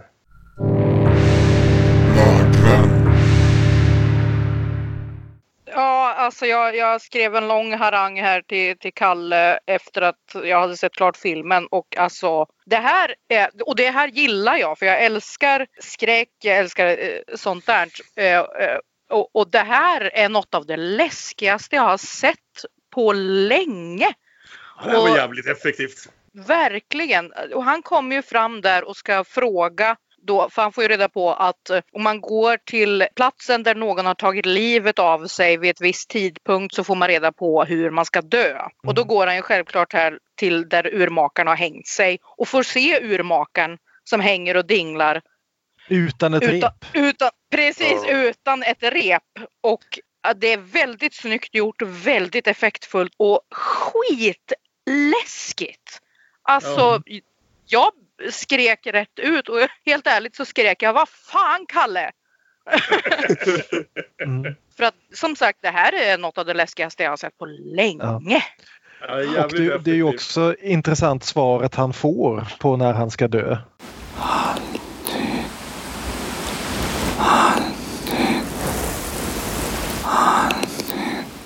Det var frågan Eh. om eh, alltid och aldrig. För jag tycker han, när jag ser om den så tycker han säger bägge. Ja, eller hur? Visst Jag, bara, jag, hörde, jag hörde bara aldrig, det måste jag säga. Mm. Det står alltid i boken. Men jag, jag tror också att det är medvetet tvetydigt. Mm. Ja, precis. Och det här är ju liksom ett av de, när gärna skulle vilja veta vad Daniel Bergman har att säga om den här filmen. För, för det mesta så får han ju inte, man märker ju inte av berättaren Daniel Bergman här mycket för det är hans fars manus som handlar om hans far i sin tur. Mm. Och att Daniel Bergman mer eller mindre är regissör vilken som helst. Men just den här grejen att med tanke på att Bergman hade ju ett väldigt, vad ska man säga, inte helt optimalt förhållande till sina egna barn också. Och Nej. att då som son sitta och regissera ett manus där ens där man måste liksom filma att ens far aldrig kommer att dö. Mm. Ens far som övergav familjen när man var två år gammal. Ja, precis. Metaforen är ju stark där alltså. Ja precis. Det är liksom, du blir aldrig av med mig pojke. Nej. Det- Precis. Och jag var imponerad över hur snyggt gjort det är. Alltså Mm. det är inte bara från, från min, min synvinkel eh, sminkmässigt och så vidare men alltså effektmässigt och ah, ja, ja, det kom som en chock alltså verkligen. Jag blev Ja. slagen i magen. Ur, urmaklaren pendlar snabbare fram och tillbaka utan det här repet. Tills det är dags för Puh att vakna. Ja. Jag vill säga. Ja. Och de gör ingen stor grej av det utan plötsligt bara vaknar han upp och är tillbaka hos pappa. Jag tycker det är jättesnyggt gjort. Mm. Mm. Och Eh, och- ansiktet på urmakaren där på slutet bara. Ja. Ja, man hör hur han eh, eh, viskar där liksom aldrig, aldrig, aldrig. Men munnen är konstant uppspärrad utan att mima fram några ord. Ja. Bergmans Ah. andra zombiefilm nästan. Mm. Tredje. Tredje. Tredje. Tredje. Min favoritgenre. Viskningar och rop och eh, ansiktet. Och när han vaknar så har ju då hans pappa fått sällskap av Marie Rickardsson. Mm. Som Ja. lägger in en ganska hård stöt på pastorn här alltså. Ja, Hon prata är nakenbad. Det Ja, vet hon- man ju vad det gör med en man. Ja precis, hon är väldigt noga med att påpeka att hon har varit och morgonbadat naken. Ja, slynan. Och kan inte jag få följa med till Grånäs kyrka istället när nu sonen din har somnat här? Mm. Och då Jag bestämmer alltid sig tyckt lille, om Marie Rickardsson men här alltså. Nej. Ja. Nej. och då bestämmer sig ju lille Pu för att han vill visst följa med. Där Så, rycker han in. Här måste någonting Mm. göras. men samtidigt verkar han inte vara helt nöjd med det för när det sen är dags att få på sig finbyxorna så får han direkt... Det här är väl inte den kanske subtilaste scenen i svensk filmhistoria. Nej. När då Man- I- man får Ingmar, ont i Ingmar, magen. Berg, Ingmar Bergman måste skita nu och sätter sig på en hink och så får vi liksom typ en minut i sträck.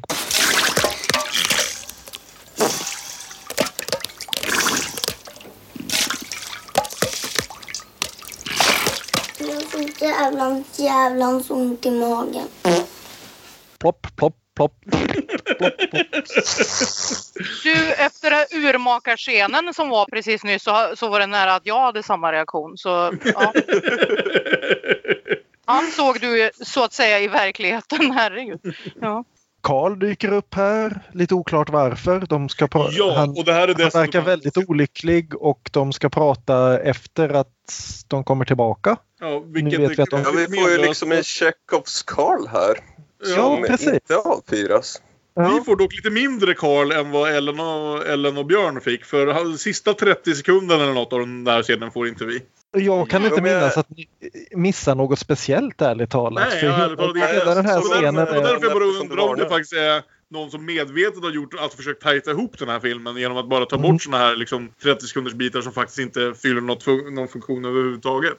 Ja. För Det var inte Ja, det som skulle saknas. Ja, även om det är hädelse att klippa bort Börje Ahlstedt i allmänhet så ja, det här är det ju, förutom det att han säger i stort sett samma sak som Erik känner om sin svärmor så är det ju att han ska flytta därifrån, han ska lämna sin, mam, sin styvmamma då eh, och så vidare. Han har ledsnat på kärringen helt enkelt och tar sig en sup. Mm. Men i övrigt, nej. Det, Nej, det det går- tillför ju ingenting. Nej, en konstig scen. Mm. Jag, jag tror ju hela skälet till att han dyker upp här det är att han ska kunna fälla den här repliken när de väl cyklar iväg en liten stund senare. God själafångst, värderade bror! God själafångst värderade bror! Vilket är en bra replik, speciellt när Börje Ahlstedt säger den. Vi, vi får också en fin scen här där vi får veta varför Dag Bergman valde att bli diplomat. Ja, precis. När han Han då Snacka vem som då helst i vad som helst. Först mutar sin lillebror att äta en mask. Och när han väl har ätit masken så förklarar han att är du så jävla dum att du äter upp en metmask för 75 öre är du för dum för att tjäna 75 öre och behålla pengarna. Mm. Och fina lilla Sudd sitter och tittar på, jag som är hundgalen. Mm. Mm. Det här var en historia Dag tog upp i den här intervjun som Ingmar blev så förbannad på. Ja. Jag fick den lilla dummingen att äta en mask. Dag var inte jättesnäll. Tänk som Dagge kunde hålla käften för en gångs skull. Oh, jösses. Men sen är det i alla fall dags för far och son Bergman att cykla iväg. Mm. Och här blir jag lite förvirrad faktiskt, för jag var tvungen att kolla upp det här. De ska alltså från Duvnäs till Grånäs. Mm. Så då slår man ju upp detta i eh, Google Maps för till skillnad från i eh, eh, Den goda viljan så har han ju inte ändrat ortsnamnen här heller. Och enligt Google Maps så är det idag 7,3 kilometer cykelväg från Duvnäs till Grånäs. Så varför i hela fridens namn måste de ta ett tåg? Ja, det är väldigt... Det är liksom cykla, det tar, även om du har en gammal rostig damcykel från eh, sekelskiftet så tar det inte mer än en timma. Nej. Men sen så slog jag också upp Grånäs kyrka och det visade sig att det finns ingen kyrka i Grånäs och aldrig har funnits än. Så Bergman har nog fuskat lite grann med geografin här ändå. Så han har behållit namnen men ändrat sträckan. Men jag har för mig att eh, finns inte den här eh, episoden med i Laterna Magica också? Jo, visst gör den det. Mm. Det är väldigt mycket Laterna Magica i den här. Mm. Och i Goda Viljan. Och i filmer vi kommer att se kommande veckor. Ja. Men eh, den här dagen är eh, ganska rakt av i slutet på Laterna Magica. Just det. Jag satt och funderade på vart den här otroliga kyrkan de sen kommer till, eh, va- vart den ligger. Men sen tänkte jag att pappa sitter ju och läser Borlänge-tidningen där på tåget så tänkte om det var någon hint där. Jag kunde inte riktigt ju- googla mig fram till det. Det är ju i Dalarna alltihopa och jag gissar att det inte fanns en Duvnäs-tidning liksom, utan det är väl Borlänge-tidningen för hela... Mm, men jag tänkte om det var där kyrkan låg, alltså i, på riktigt. Att den Ah, kanske låg i. Borlänge. Ja. Det är ju fullt möjligt. Ja, nej, jag, jag fick inte fram något i vart fall. Men eh, jag ville bara veta vart den här otroligt vackra kyrkan låg. Mm. Hur som helst så tar de sig iväg först med cykel, sen med tåg och sen med färja. Ja, precis. Och- Och, det är ju-. Och det är ju verkligen svensk sommaridyll här. Mm. Ja, den här järnvägsbron de åker över är ju någon av de otroligaste sådana där. Jag undrar vart den finns som sagt, ungefär som den här kyrkan. Han har hittat en fantastisk järnvägsbro att filma här. Ja. Men sen har de ju ett otroligt fint samtal på tåget där också. Ja. Om att, eh, ja, men, för att eh, Pu, Pu har ju hört hela det här grälet med sina föräldrar och förstår att pappa inte tycker om mormor och så vidare. Hatar du mormor? Nej men hatar och hatar. Ja. Vi tycker olika om saker. Ja. mm, Om precis allting i hela världen. Men, Ja. Ja, jag tyckte att just den scenen var väldigt, väldigt fin och han försöker ju på ett vuxet sätt förklara för Pu här att ja, men det är så det är ibland. Att så här är det. ja. Och vi har ju också den här lilla grejen som ska komma tillbaka att eh, Pu medger liksom att ibland så tänker han vad skulle hända om mamma dog? Och då blir han jätteledsen. Och då frågar pappa rakt på liksom föreställer du någon, det någonsin att jag ska dö och hur känner du inför det? Och han blir ju alldeles förskräckt för man får ju nästan bilden av att han någon gång har gjort det men han vill, verkligen, han vill det verkligen inte. nej. Ja. Men sen har det blivit dags för färja. Cykel, cykel Mm. till tåget, cykel till färjan. Och det, det, liksom, det är ju fantastiskt fascinerande just hur varm den här filmen ändå har varit gentemot pappa Bergman vid det här laget. Just för att det går så stick i stäv med de andra historierna man har hört än så länge. Men nu får vi se lite av den andra sidan. Och det är intressant att alla de här vad heter det, synopsis och annat beskriver det som en film som visar hans vad ska jag säga, tvära kast och annat. För det är egentligen bara vid ett tillfälle. Vi får se Mm. dessa tvära kast. Och det är Ja, det var- på färjan. Ja, och det, det, det var det jag inte heller riktigt så här, för jag har fått ett sånt himla kärlek till pappa här. och Att han är så varm och snäll och modern och så vidare. Och sen sätter sig Pu på färjan och dinglar med benen i vattnet. Och, Musiken ja, bygger upp som att det är på väg mot någon slags olycka och det är det ju. Men Ja, en, en annan slags att- olycka än vi tror. Ja, det flottas ju timmer på den här älven ska vi ju säga. Så det ligger ju en massa stockar och flyter i vattnet. Ja, ja, precis. Och det var det där jag trodde när han sitter och petar med sina bara fötter på en timmerstock här i vattnet så trodde jag att aj, aj, aj, nu fastnar han. Nu fastnar han. Mm. Det är det här som kommer, han, filmen kommer handla om. Helvete. Men nej. Nej, utan istället så uppmärksammar helt plötsligt pappa att han håller på med det här livsfarliga som han inte, som han liksom, han kanske inte tänkte så särskilt mycket på utan bara satte sig för att det var mysigt.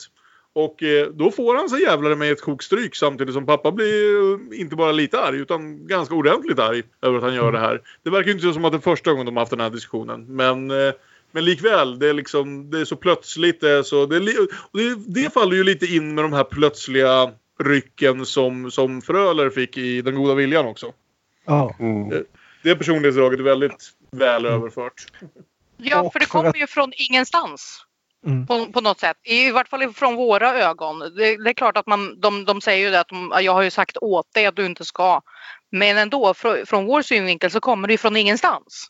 Mm. Snälla, snälla pappa börjar örfila lilla Pu. Ja, det känns ju väldigt som att vi är i Pus synvinkel här. Han förstår inte riktigt. Han satt ju och gjorde någonting helt oskyldigt, lite skönt för de varma fötterna.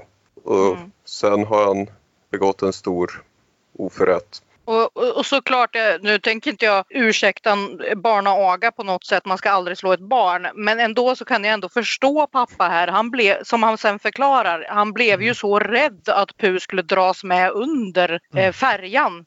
Så att jag blev Men det här arg. med blev- räddheten är extra bra. För Mm. just efter eh, örfilandet så klipper vi tillbaka till 68. Och eh, Ingmar får nu prata med sin far här riktigt. Ja. Och eh, pappa Erik sitter och läser sin frus dagböcker. Han har fastnat vid ordet livsfiasko som Karin hade hört någonstans och tyckte var väldigt passande. Och han sitter där och undrar vad gjorde jag för fel? Kanske var jag för foglig. Som en hund. Som sudd. Och Ingmar bryter då in här. Vi var ju rädda för dig.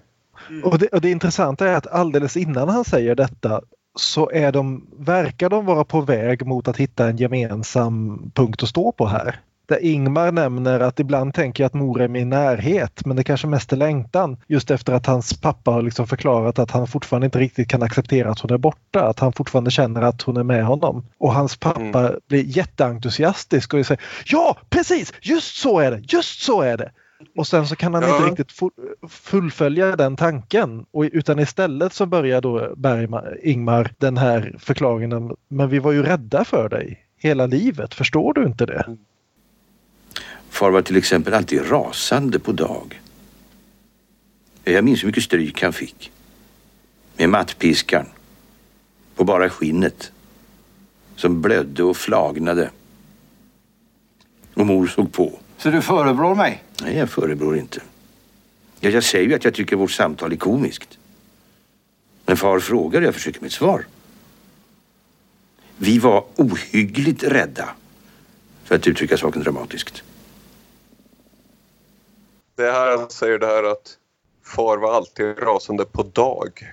Så mycket smörj som dag fick. Och där tänker man ju på Jim Magnussons lilla förslag att Ingmar kanske var mer Fanny än Alexander i de scenerna. Ja, precis. Ja, för det är ju Och- det som är eh, i he- i hela filmen. De, de sitter ju här som monolog när de är äldre. Eh, eller dialog, förlåt. Eh, när de är äldre och att vi var så rädda för det, vi var så rädda för det. Men, men det har vi ju inte sett så mycket av i filmen. Utan, förutom de här rörfilarna. Och då kanske det är just brorsan där som har fått ta den stora smällen. Men vi får ju inte se resten av det i filmen och därför blir det så tafatt på något sätt. Jaha, men varför var de rädda för Erik? Han var ju så snäll förutom den där gången han blev så rädd på färjan. Samtidigt känner jag också liksom att det här är lite grann Ingmar Bergman som ställer sig själv mot väggen. För det här är ju liksom den, ja, vad blir han här, den 75-åriga Ingmar Bergman som lägger de här orden i, i eh, den 50-åriga Ingmar Bergmans mun. Mm. Att det är liksom, han sitter ju här och kör hela den här grejen som vi har sett i flera varianter i olika Bergman-filmer och senast nu i liksom efter repetitionen det här Ja men alltså jag, jag, jag har ingen sentimentalitet runt det här utan det, det, det förflutna är förflutet och det är ingen, finns ingen anledning att hålla på och älta det. Att han, han säger någonting här att jag, jag tycker mest det är komiskt att vi två äldre herrar sitter och diskuterar det här som om vi kan ändra någonting. Och, Det är jätteintressant eh, för man märkte ju så tydligt att det var Ingmars inställning vid det tillfället. Ja, precis. 60-talet. Att han verkligen bara ville lägga allt det här bakom sig. Eh, Ja. Och hur mycket det har förändrats. Ja, egentligen efter att han kommer hem till Sverige igen efter exilen. Verkar Ja. det som. Och det, scenen slutar ju då helt enkelt med att den här Erik som väl har fått höra det här för första gången i sitt liv kanske återvänder till någonting hans fru har skrivit där att Erik är oförsonlig, kan aldrig förlåta och överse, är så omedveten om sig själv. Och sen klipper vi då direkt tillbaka till eh, 42 år tidigare, ja, 42, där, där då Erik Bergman förklarar för sin lille pojke att ja, men förstår du inte, jag blev rädd och när man blir rädd så blir man arg. Mm. Visst, och det var det jag tänkte säga att det är som sagt ingen ursäkt för att slå sina barn men, Mm. men den känslan kan jag ändå förstå. Ja. Att liksom att jag, jag blev så rädd för att du, skulle, att du skulle göra dig illa eller råka illa ut att jag blev arg. Och, Ja. och reagerade på det sättet. Och det uttrycker ju en form av kärlek det med fast eh, han tar ut det på, på fel sätt på något sätt. Ja. Men, det visar ju att han faktiskt Jo. bryr sig.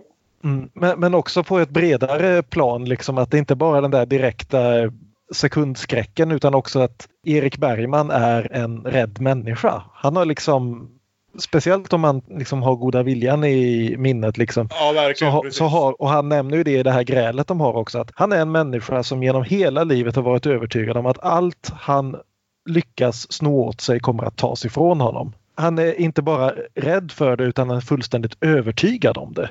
Och då, Mm. då blir det att han slår ifrån sig Det när är han får intressant att- att påminnelse de om det. Att de här liksom två filmerna tillsammans, tycker jag skapar ett väldigt starkt personporträtt av denne, av denne far. Men det är nästan för mig att de behöver varandra. Ja, Jag är inte alls säker på hur jag hade upplevt den här filmen eller det här porträttet. Om jag också hade uppfattat det som lite bristfälligt så som, som Ellen kanske mer verkar göra. Eller lite så här eh, ot- otydligt, lite motsägelsefullt. Om jag inte just hade haft den goda viljan med mig. Det, det är det jag tänker också. Kanske också därför Erik eh, valde prästyrket tänker jag eh, på grund av rädsla. För att ju, ju mer man tjänar Gud så kanske man får mer eller blir skyddad lite eller mm. Så vidare. Det kanske är ett yrke som, som skyddar mig på något Ja, sätt. för det kommer vi ju ingen närmare in på här. Att det, det är som att eh, Rätt genom den goda viljan diskuterar vi också det här varför just Erik verkar ha valt att bli, eller han heter inte Erik då, men skitsamma. Eh, varför pappa verkar ha valt att bli präst. För han verkar ju inte ha liksom ha varit, känt sig manad till det på något liksom traditionellt gudsdyrkarvis. Utan även där att det verkar vara mer av en säga, nästan strategi eller mål till någonting annat eller vad det nu kan ha varit. Det är intressant för han är ju liksom slår oss, slår oss ju aldrig som någon som känner sig manad till det av liksom gu- Guds kallelse på något vis. Ett tag verkar det nästan snarare som, som, som, en, som en plan för att eh, eh, för att det är någonting som skulle hjälpa dem att få, han och hans mor att få pengar ur mostrarna. Precis, och också det att det verkar ju inte speciellt som ett eh, kristet hushåll. Ja, det är middagsbön och så vidare, men det är inte något extremt till den graden som det kanske hade varit med, med pappa pastor. Liksom. Det är ju inte, det är ju inte prästgården i Fanny Alexander på något vis. Bara det att barnen i familjen får svära enorma mängder. Fan, Nå- jag hade inte kommit undan med att svära så där mycket när jag var sju år gammal. Ingen Och då var min far långt ifrån präst. Men det kanske är någon form av ett otroligt tryggt yrke. Det, det, det behövs alltid präster på den tiden. Och, och som det med Gud, att ja, men här har jag en, en skyddsängel, här har jag en, liksom, en skyddande hand på något sätt. Att om Gud finns så tar han hand om mig som tjänar honom. Men vi Apropå att kommer tjäna Gud så är vi ju framme vid Grånas kyrka nu till slut. Ja. Så Pappan förbereder för otroligt lite vacker där inne. kyrka. Så otroligt nattvardsgästig. Den är vit. Pu strövar omkring lite, som den buspojk han är. Tittar förbi en ung flickas lik. Blir rädd för en fluga. Där insåg jag hela min teori om hela filmen i och med liket. Att urmakaren också så att säga var ett söndagsbarn. Urmakaren och Pu ser döda människor. För det är väl Kinnaman i kistan. Jag tänkte också det faktiskt. Ja, det. kanske Ja, därför. möjligt. Ja, men det är kanske därför hon vill tillbaka in i klockan, vill ta sig in i klockan eh, när hon är hos urmakaren. Och att på något sätt, det är ju vid olika tider självklart, men att det är en metafor att han har dragit henne ur graven, att det är därför hon vill tillbaka in bakom byrån. Hon, det, att det är därför hon ligger i den här kistan nu som ett lik. Alltså Eh, som sagt, den, den, den, som, den som styr klockan, vi vet ju alla vad klockan representerar, klockans tickande representerar vid det här laget i Bergman. Så att bo inne i klockan kanske också betyder att man är den som styr klockan i någon mån. Mm, visst. Nej, bara- jag, Urmakaren som den väldigt gamla gudbilden som vi diskuterade i Tystnaden var det väl vi hade Ja. den diskussionen. Ja, precis, att Väldigt det- gamla, det är- 1800-talet. Det är, det är någon form av eh, koppling där mellan urmakaren och Pu. I see dead people. Eftersom de har valt vad jag tror, det står inte i, i, i credsen sen, eh, men det, det är ju oerhört väldigt likt Kinnaman i den här Ja. kistan. Där Pu kommer in och ser ett lik där flugorna surrar och biter honom. Så jag tänker att där är kopplingen mellan de två, att det kanske är något där. Och utanför kyrkan så, ja, jag, jag vet inte, hon är väl gift med kyrkoherden eller någonting. Ja, Men jag tyckte hon var väldigt trevlig, väldigt nervös och ansträngd. Ser väldigt fram emot att Pu ska kunna leka med hennes son ett tag så att hon får vara i fred antar jag. Den jävla Hennes- ungjäveln. Ja, Ja. Konrad med sina eksem. som, kommer, som kommer att få en av filmens roligaste och hemskaste repliker lite senare. Men vi kommer till det. Konrad med sina det var eksem. fint Det är att se ett den här barnprogram. kvinnan. Jag kände med henne. Och sen eh, blir det ju gudstjänst och hon sitter där och sjunger så högt. Mm. Du sitter tyst. Ja. Men sen åker vi tillbaka till 68 och här får vi ju den här scenen där Ingmar stänger ner varenda försök till försoning. Ja. Och frågan inställer sig. Är denna film den försoning som inte blev av då? Jag avskyr alla former av känslomässig utpressning. Var och en får stå för sina misstag. Om far söker samförstånd eller förklaring eller kanske rent av någon form av förlåtelse så har far vänt sig till fel person. Det förflutna är förpassat till avdelningen för ouppklarade mysterier. Ja, om jag börjar rota i det här... Ah, Nej tack. Jag kommer gärna hit och sällskapar men förutsättningen är att jag slipper känslorabalder. Men för helvete Ingmar! Jag, jag gillade det. Jag tyckte att, ja, alltså jag tyckte väldigt synd om pappa Erik här men, men jag kände också så här att eh, visst, det, det hörde inte ihop med det vi har sett tidigare i filmen om, om Pu och så vidare. Men om man vet, om, om man som, som i vart fall ni vet, eh, liksom Ingmars historia med sina föräldrar och de tidigare filmerna så tycker jag att det är helt berättigat och jag tycker att det är ganska bra sagt egentligen. Även om han på något sätt inte ger sin, eh, sin pappa någon form av förlåtelse här så förstår jag. Jag, jag förstår den. Det känns jag- framförallt som en Mm. bit dialog väl, som skulle väldigt mycket kunna vara tagen ur någon av de 60 eller möjligen tidiga 70-talsfilmerna. Eh, sagd av typ Erland Josefsson. Eller väldigt mycket som en replik som Henrik Bergman i Goda Viljan hade kunnat fälla. Eller Liv Ullmann i Höstsonaten. Ja, ja absolut. Så jag, jag säger inte att det är dålig replik eller att det liksom, jag förstår honom men samtidigt när, man, när han väljer att ställa upp det här i det här sammanhanget. Hade han valt att ha den här repliken i till exempel Fanny och Alexander då, hade, jag- då hade jag inte höjt på ögonbrynen överhuvudtaget. Men när han har Nej, gjort en, en film som så väldigt mycket handlar om varma minnen av sin far och sen sätter upp den här däremellan. Då är det ju väldigt svårt att inte tolka det som att han ja, gör en, eh, en call-out på sig själv här. Ja, absolut. Ja, alltså- han, är- Bär, Ingmar, Ingmar är lite arg på sig själv för 25 år sedan. Mm. Att han inte Precis, det hör ju inte hemma i chansen. den här filmen. Det är en, fi, det är, det är en, en härlig scen men den, den hör inte hemma i den här filmen. Kanske i någon annan, men inte här. Och jag Jag börjar fundera Jo. på... Jag om- tycker om det var- alldeles utmärkt här. Nej, jag, vet- Jag jag tycker vet lite inte. det Jag är vad den här filmen är. Jo, och precis. att det är tre generationer Bergman, att det är Ingmar, handlar om hans pappa, regisserad av hans son. Det sträcker sig över generationsgränserna och den här familjeförbannelsen lyfts på något sätt. Ja. Jo, jag alltså tänker jag, lite på en Suede-låt som vanligt. jag är med. Ja, jag med. I don't know how to reach you, som Brett Anderson skrev om sin son och sin far och försökte liksom koppla ihop dem över tiden. Jo men Just det. visst absolut Ja. men som, som, man, så, som jag till exempel då som inte riktigt kan historien eller kanske inte har sett de andra filmerna så, så, så förstår jag inte. Vad gör den här scenen här? Vad då för att du fick eh, tre, fyra, fem, sex örfilar av din pappa en gång för att du gjorde något dumt så, så kan inte du förlåta honom och vill inte det, det, för, jag förstår inte vart den här scenen hör hemma i den här filmen på grund av det som har hänt i filmen. Jag, jag, jag kan läsa mig till varför Jag, jag kan se de andra filmerna och förstå varför. Men om jag bara har sett den här filmen så är det inte logiskt. Mm. Ja, nej, det, det är inte logiskt. Stryker men du däremot- hela 68-historien eller gillar du något där? Eh, ja, jo. Både ja och nej. Det kanske är det som sabbar det nu när jag tänker efter. Men nej, man behöver ju vart de har hamnat på något sätt och vart Erik sitter och, och sådär. Så man behöver ju det. Men nej, alltså jag kopplar inte ihop det utan att veta mer om antingen de andra filmerna eller om Ingmar Bergman. Och det, blir, det blir svårt på det sättet. Mm.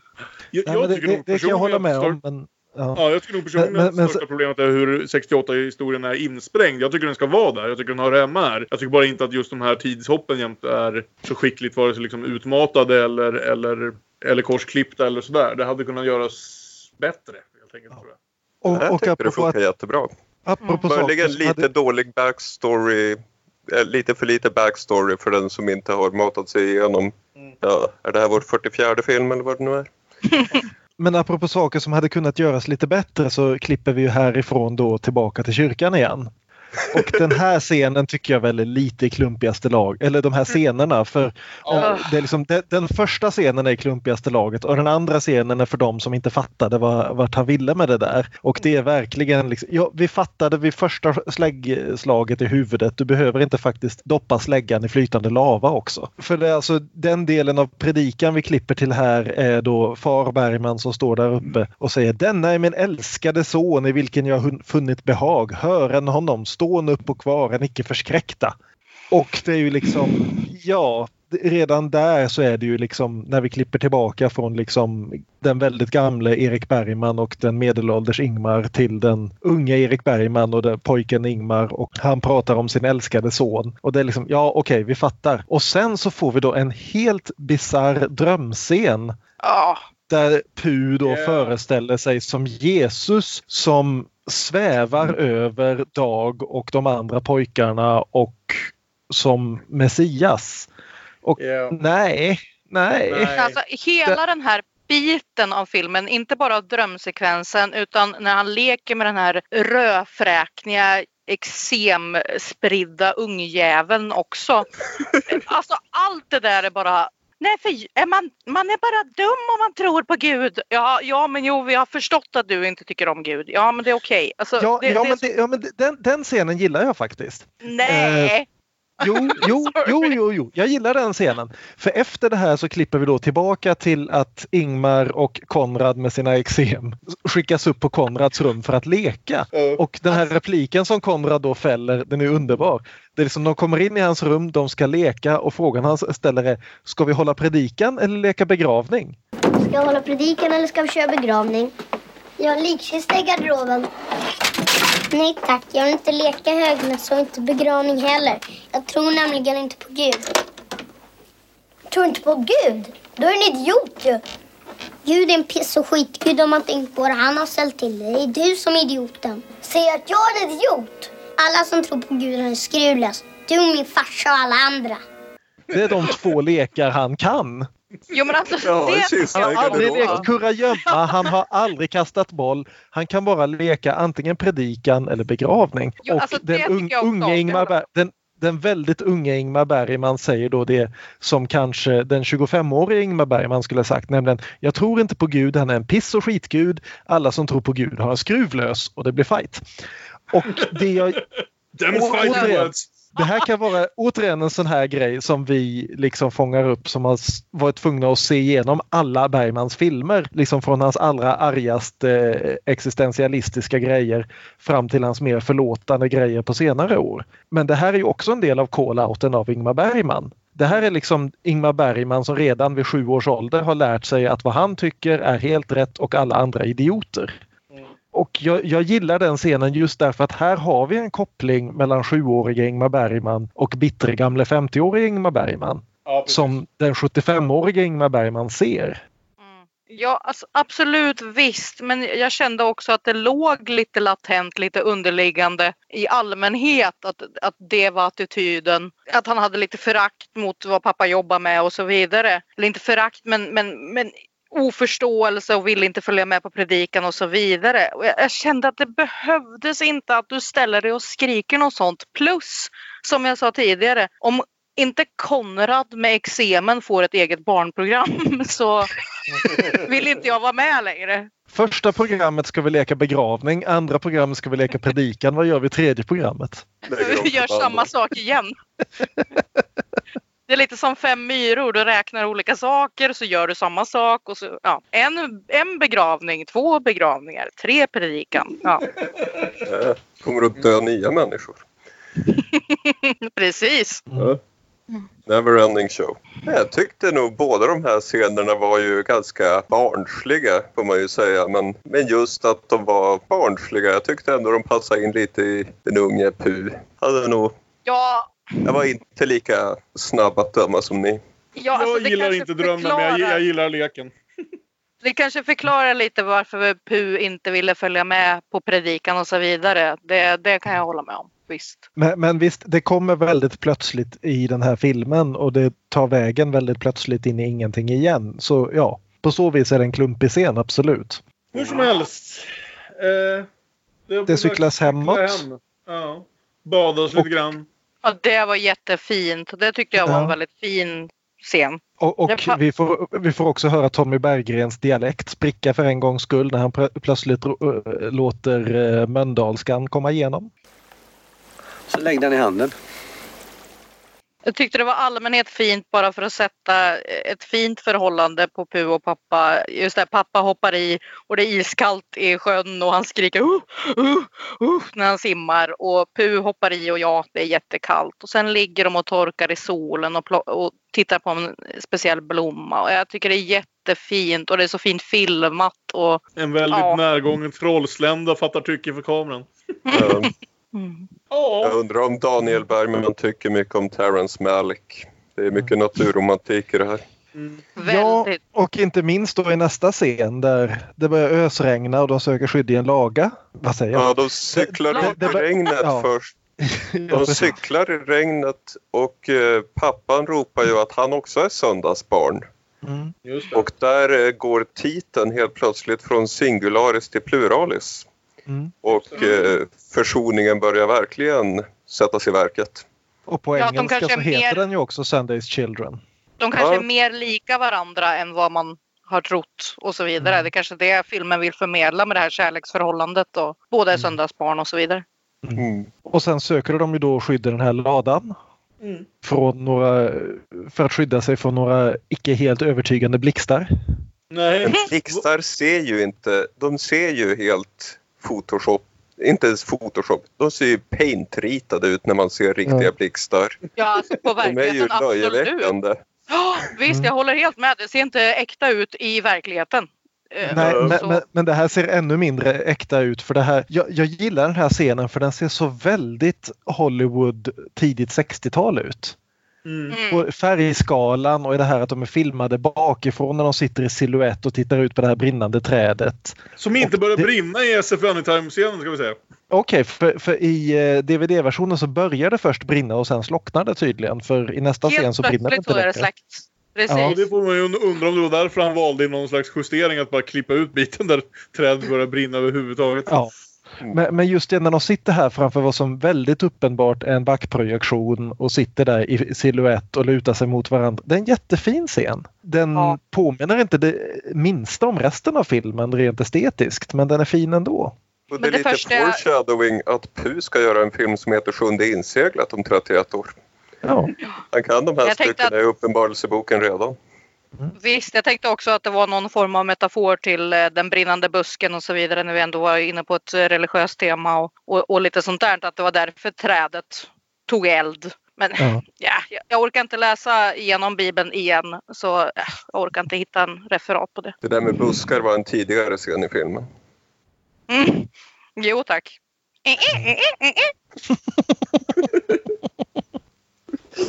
Ja, Nej, det är en jättefin fin scen där de, eh, pappa ger honom eh, hans kavaj och de Mm. sitter där och nu fryser du inte va? Och, och det, det är kärleksfullt i allmänhet. här. Och här har vi den här sista klippet till 68 också mitt, insprängt mitt i det här.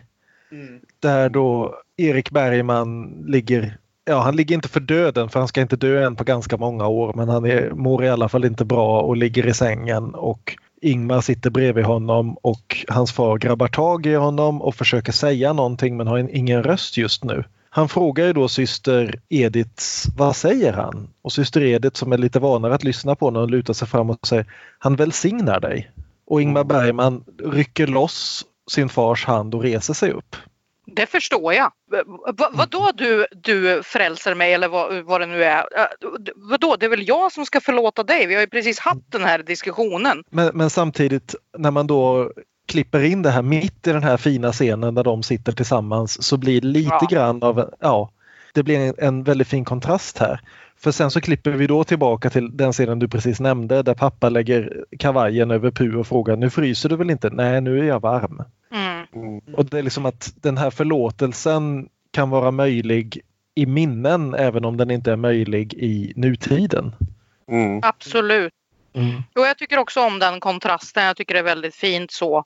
Men vem fan hade inte blivit förbannad?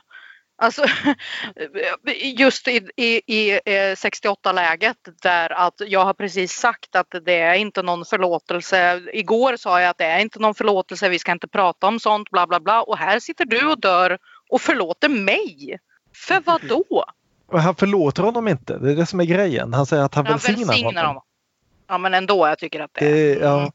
Men eh, jo visst, det, men å andra sidan det är liksom hans far som så vitt han vet ligger och dör nu som liksom gör ett sista försök att nå honom och han kan inte ta emot det. Det må vara fullt förståeligt men det är ändå en tragedi. Jo men de har ju dessutom tidigare tagit upp det att eh, Erik här kanske har förlorat sin gudstro i och med att Karin är borta och så vidare. Och att ja, det är så synd om honom för han kanske har tappat sin tro och så vidare. Då är det ju ännu mer hyckleri att han jo. då välsignar sin son. Absolut. När han kanske inte nej, själv nej, nej. tror på det. Han tror inte på Gud nu. Han tror på sin son. Mm. Det är finare. Mm. Människans helighet. Sluta vara så jävla optimistisk Aron. Helvete. talat. Som om det här handlar om Fadern, Sonen och den heliga Andes namn. Om vi ska spela lite Fuck, Mary kill här. Vem är Fadern, vem är Sonen och vem är den heliga Anden? Precis. Och så, slutar, och så slutar vi eh, filmen på att vad heter det, pappa Erik får göra det taskigaste och mest klassiska dad joke of all time. Nämligen ja. Jag kommer ihåg att det var en favorit hos vår far också fast han eh, låtsades drunkna. Tack! Ja, just det. Yes. Oj då! Great parenting. Tack, tack för den. Erik cyklar omkull, Ingmar ramlar ner i diket och när han kommer upp på vägen igen så ligger Erik som död. I några sekunder sen flinar han och reser sig upp och de konstaterar att cykeln är trasig, vi måste gå till fots, det är långt till nästa järnvägsstation och regnet faller. Och där går de sida vid sida och måste ta sig fram till fots bit för bit ändå. Så otroligt fin scen. Och lilla Pru i pappas alldeles för stora ja. kavaj. Precis, ärmarna släpar och de går där och ja. skrattar och hjulet vinglar. Jättefin slutscen. Ja. Men vad fan tar det slut för? Ja, det var lite plötsligt. Det, var, mm. det kände jag var oväntat. Mm. Men, jag, men jag nästa vecka pratar vi om enskilda samtal. Ja, precis. Fortsättning följer nästa vecka. Eh, nej, men eh, jag, jag, känner nog ändå att jag tycker väldigt bra om den här filmen. Jag tycker att den gör absolut, den snubblar lite här och var. Kanske framförallt i hur den är uppbyggd.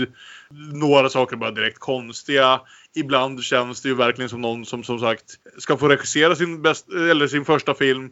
Dessutom, vad heter det, efter sin pappas barndomsmanus, eller vad man ska säga, manus om sin barndom. Så han verkligen liksom slänger in allt han har. Det är en del som sagt, väldigt, kanske lite överentusiastiska regissörsval här. Men jag gillar verkligen den här. Den berörde mig starkare än vad den goda viljan gjorde. Och det var kanske inte vad jag hade väntat mig ändå. Och liksom mycket av det hänger ju ändå någonstans på, på kanske framförallt Tommy Berggrens skådespel, skulle jag säga. Ja. Och, och, och jag älskar de här vad heter det, två klockmakare-scenerna. De kommer jag komma ihåg. Mm. Ja, det håller jag med om. Men eh, ja, Tommy Berggren är ljuvlig och just det för, varma förhållandet mellan far och son där eh, i 20-talsscenen är jättefint. Men som fristående film utan att ha sett någonting tidigare så fungerar det inte. Jag, jag tycker att det, det är i stort sett helt oförståeligt. Det är som att titta på någon annans fotografier i ett album. Att jaha, här var det en, en döende ko. Jaha. Mm. Ja, men det, utan eh, tidigare eller senare eh, historia eller kunskap om Ingmar Bergmans familjeliv. Så, nej, det funkar inte för mig annat än som eh, traumatisering eller skräckfilm. Eh, Eller varma minnen om da, da, liksom Dalarna. Eh, Det, nej, Mm. jag vet inte. Nej, man missar kanske liksom det större sammanhanget lite grann någonstans. Den blir lite, lite liten. Eller något. Ja. ja. Aron, du verkade ganska förtjust på det stora hela. Jo, jag gillar det här. Mm. Och utöver Tommy Berggren som, är, som ju är mycket bra så är ju lille Henrik Linnros riktigt bra som Pul. Ja, det är kanske den bästa. Undrar om det är den bästa barn, barnskådespelarinsats vi har sett. Alltså, för Bertil Guve som vi pratade om har ju klassiska ögonblick i Fanny och Alexander men också några där han inte riktigt, där han li- lite grann står sig platt mot de vuxna skådespelarna i samma rum. Jag, Han slåss ju med Jörgen där och eh, han ser ju ut som Jörgen i de här kortbyxorna och samma frisyr också. Han ser I väldigt ut. tystnaden alltså. Ja. Jag, jag tycker att alla skådespelare gör en fantastisk insats. Alltså verkligen alla. Till och med Slynan Marie Rickardsson. All, all, alla är duktiga. Verkligen. Och även Börje Ahlstedt i sina små korta Ja. stunder där, även om det inte är logiskt, är jätteduktig. Alltså, De gör det de kan med det de får på något sätt. Och det är ljuvligt. Och inte minst Lena Endre. Mm. Hon har bara en viktig scen men hon är jätteduktig. Mm. Vi glömde ju nämna också Bertil Nordström som spelar då kyrkoherden i, eh, vad heter det? Ja, Grånäs. Också en jätteliten scen. Jag tycker han är jättebra just det här hur oerhört Både liksom att han har lite pondus som kyrkoherden där men att så fort han är i samma bild som Erik Bergman så blir han en så lismande rövslickare. Åh, hov, herr hovpredikanten är här. Kom gärna snart tillbaka. Ska inte hovpredikanten sta- stanna på middag ändå? Det är liksom, ja. Jag tyckte han kunde ha fått vara med mer. Jag fick inget Ja. riktigt intryck av honom. Det var bara så här, han var en bakgrundskaraktär som inte fick Jo. ta plats. Jag är enig med dig. Jag tyckte, jag tyckte om honom också. Han var rolig och eh, intressant. Men eh, han fick inte mm, nog att jobba med. Ja, har vi något mer att säga om Söndagsbarn eller ska vi knyta ihop säcken Ja. för den här veckan? Jag har en allmän sak att ta upp. tänkte jag säga. En Ingmar Bergman-sak. Eh, Jag satt för mig själv på, väg, på bussen på väg till jobbet och lyssnade såklart på Demonpodden. Och spelade för mig själv där, vad heter det nu, Six, deg- Six degrees of Kevin Bacon. Eh, hur jag hur så fort som möjligt kunde koppla mig själv till Ingmar Bergman. Aha. Och insåg att jag, har, jag kom på en historia som var att jag har två steg till Ingmar Bergman via att jag har jobbat med Bo Brundin Ja, just det. i en kortfilm som heter Starlight av Titus Par. Och Bo Brundin, denna ljuvliga, oerhört gulliga människa, var med i den ökända och nästan förbjudna filmen The Day the Clown Cried Ah, med Harriet Andersson. just ja, hon var med i den. Ja, denna... Mm, de sa väl att Jerry Lewis ville inte att någon skulle se den förrän efter han dog, men de vill Ja. fortfarande inte släppa den. Eh, Den finns väl fortfarande inte ens ute som bootleg va? Nej. Vad jag kollar i denna sekund. Ja, Bo Brundin eh, har jobbat med Harriet Andersson. Bo Brundin känner vi också igen från klassiker som Dallas och A-Team. Men sen kom jag ju på, tack vare min bror, eh, att jag har en kortare koppling till Ingmar Bergman. Nämligen ett steg. Jag, giss, jag är en av, och nu gissar jag bara, kanske en av fem personer i hela världen som har tacklat Lena Endre.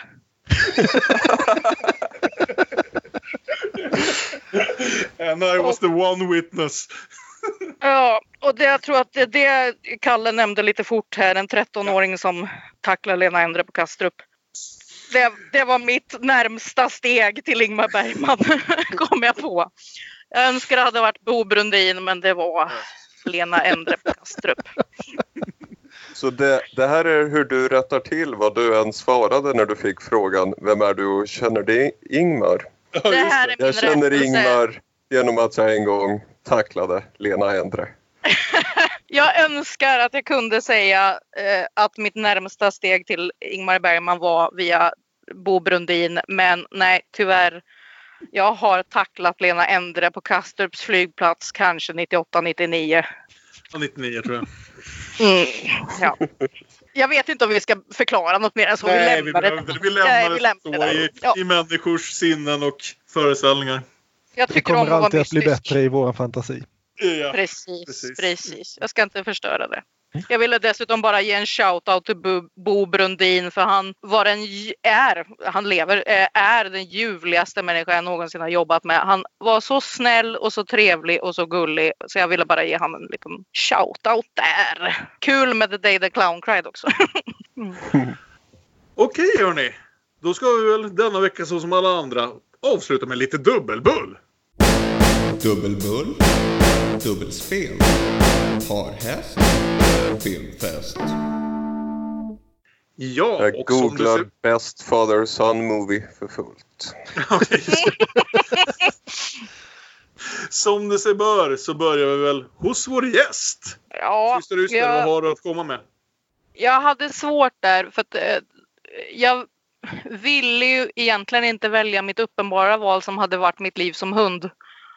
Där jag drog mycket parallellkopplingar och jag ber om ursäkt om någon annan har valt den så jag tänker inte välja den utan jag tänker välja Änglagård. Det är väl ungefär samma period tänkte jag säga, 91-92. Samma inte år till och med vill jag påstå. Ja, precis. Och jag tycker att den liknar både i det naturiska filmandet och eh, många teman om religion och pastorer och eh, här är det visserligen en dotter och hennes förhållande till sin far och så vidare. Bara det att jag tycker att den här kanske kopplar, den, inte nödvändigtvis en bättre film, men den kopplar ihop säcken lite bättre Mm. återvänder till sin förmodliga eller okända fars eh, hemstad vid begravning och ja, tar det därifrån. Änglagård har de flesta sett så då vet man. Men den påminner också i ljus och foto och stil på något sätt. Det kanske är 92an som pratar men det, jag vet inte. Och namnet på Helena Bergströms kar- karaktär är ju Fanny Sander. En liten diss från Colin Nutley där. Det, det var menat Ja. som en eh, ganska giftig liten pik mot Ingmar. Det är alltid mitt tema med allt jag säger att framstå smartare som jag faktiskt är och jag brukar vara ganska duktig på det. Lurar mig Eh. varje gång.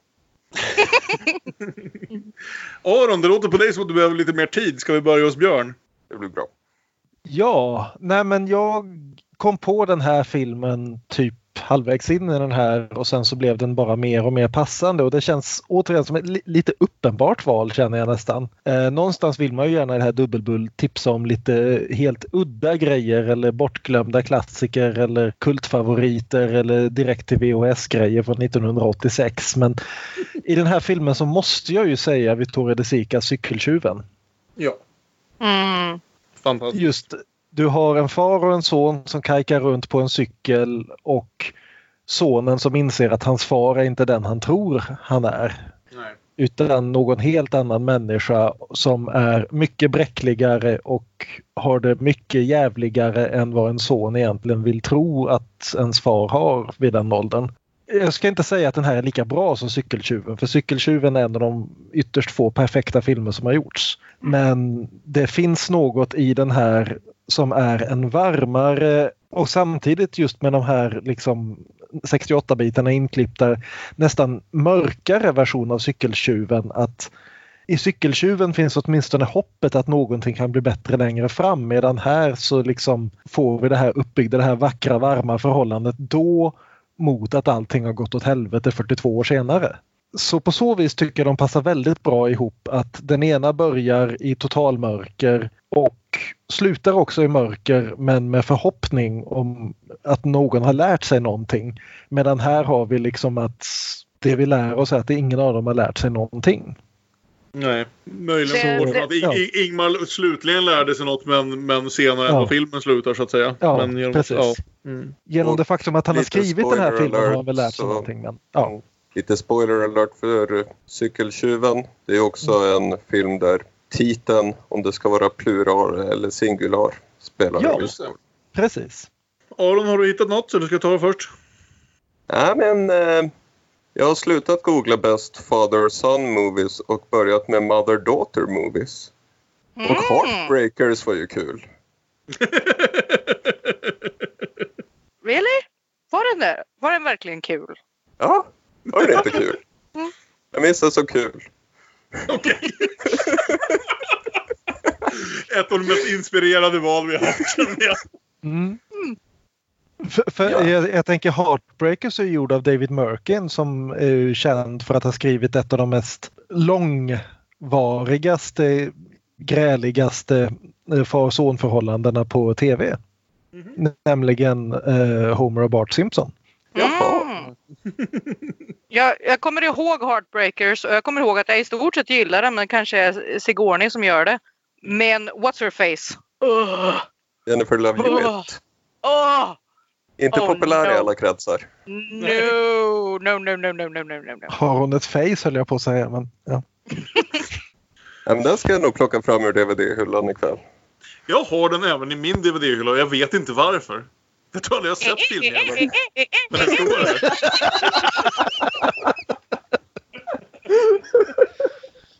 Ja.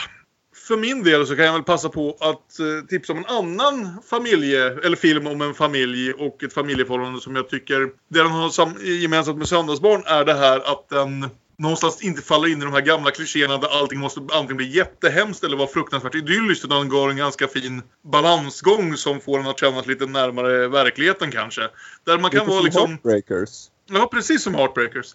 Eh, där man kan vara liksom osams utan att det är slutet på allt för evigt och man kan smågräla lite grann några gånger och allting kommer ändå ordna sig hyfsat okej. Så jag tänkte tipsa om, Oli- nu kommer det bli franska namn, ska vi se uttalen här. Olivier Assayas eh, Sommarminnen från 2008 som är en väldigt fin film som börjar som klassiskt melodrama ungefär, eller inte börjar ska vi säga, utan efter första akten så har en mamma dött. En äldre mor med vuxna barn har dött och lämnat efter sig en otroligt fin sån här fransk herrgård som nu på något sätt måste divideras upp bland de tre barnen. Och det skulle ju i de flesta fall vara liksom upplagt för stora känslomässiga utbrott och människor som aldrig mer vill se varandra igen. Men det blir inte så. Det blir nog mycket stillsammare och lite mer lågmält och ganska fint. Det är inte helt liksom utan sina gräl eller argumentationer men, men det hålls på en ton som känns mycket mer, får man väl hoppas i alla fall, verklighetstrogen. Där två av barnen i alla fall spelas av Juliette Binoche och eh, som jag brukar kalla honom, French Hawkeye, Jeremy Renier. Inte att misstas för Jeremy Renner. Thank you for that pun. Jeremy Renier ska vi säga är väl annars mest känd för typ ett halvdussin eller något eh, Darden-filmer. De, har- de har han varit med i ända sedan han, sedan han var en tonåring. Den tycker jag var superfin. Den hittade jag lite av en slump måste jag ändå säga för jag har inte sett jättemycket Assayas. Men jag gillar den jättebra. Och med det sagt så är det läge att vi knyter ihop säcken för den här veckan och tackar för oss och att ni ville vara med. Ni kan höra oss prata mer om Ingmar och hans föräldrar nästa vecka när vi ska ta tag i enskilda samtal. Vi finns som alltid på sociala medier. Vi är at Damonpodden på Twitter och Instagram. Vi är Damonpodden med Ä på Facebook. Man kan mejla damonpodden at gmail.com. Och ja, Aron, det blir väl musik av det här med. Ja, vi har ju Ellen med så, så hon ska sjunga. Jättekul att, med, att ni vill lyssna den här veckan. Vi hörs förhoppningsvis igen snart. Hej då! Hej då! Hola!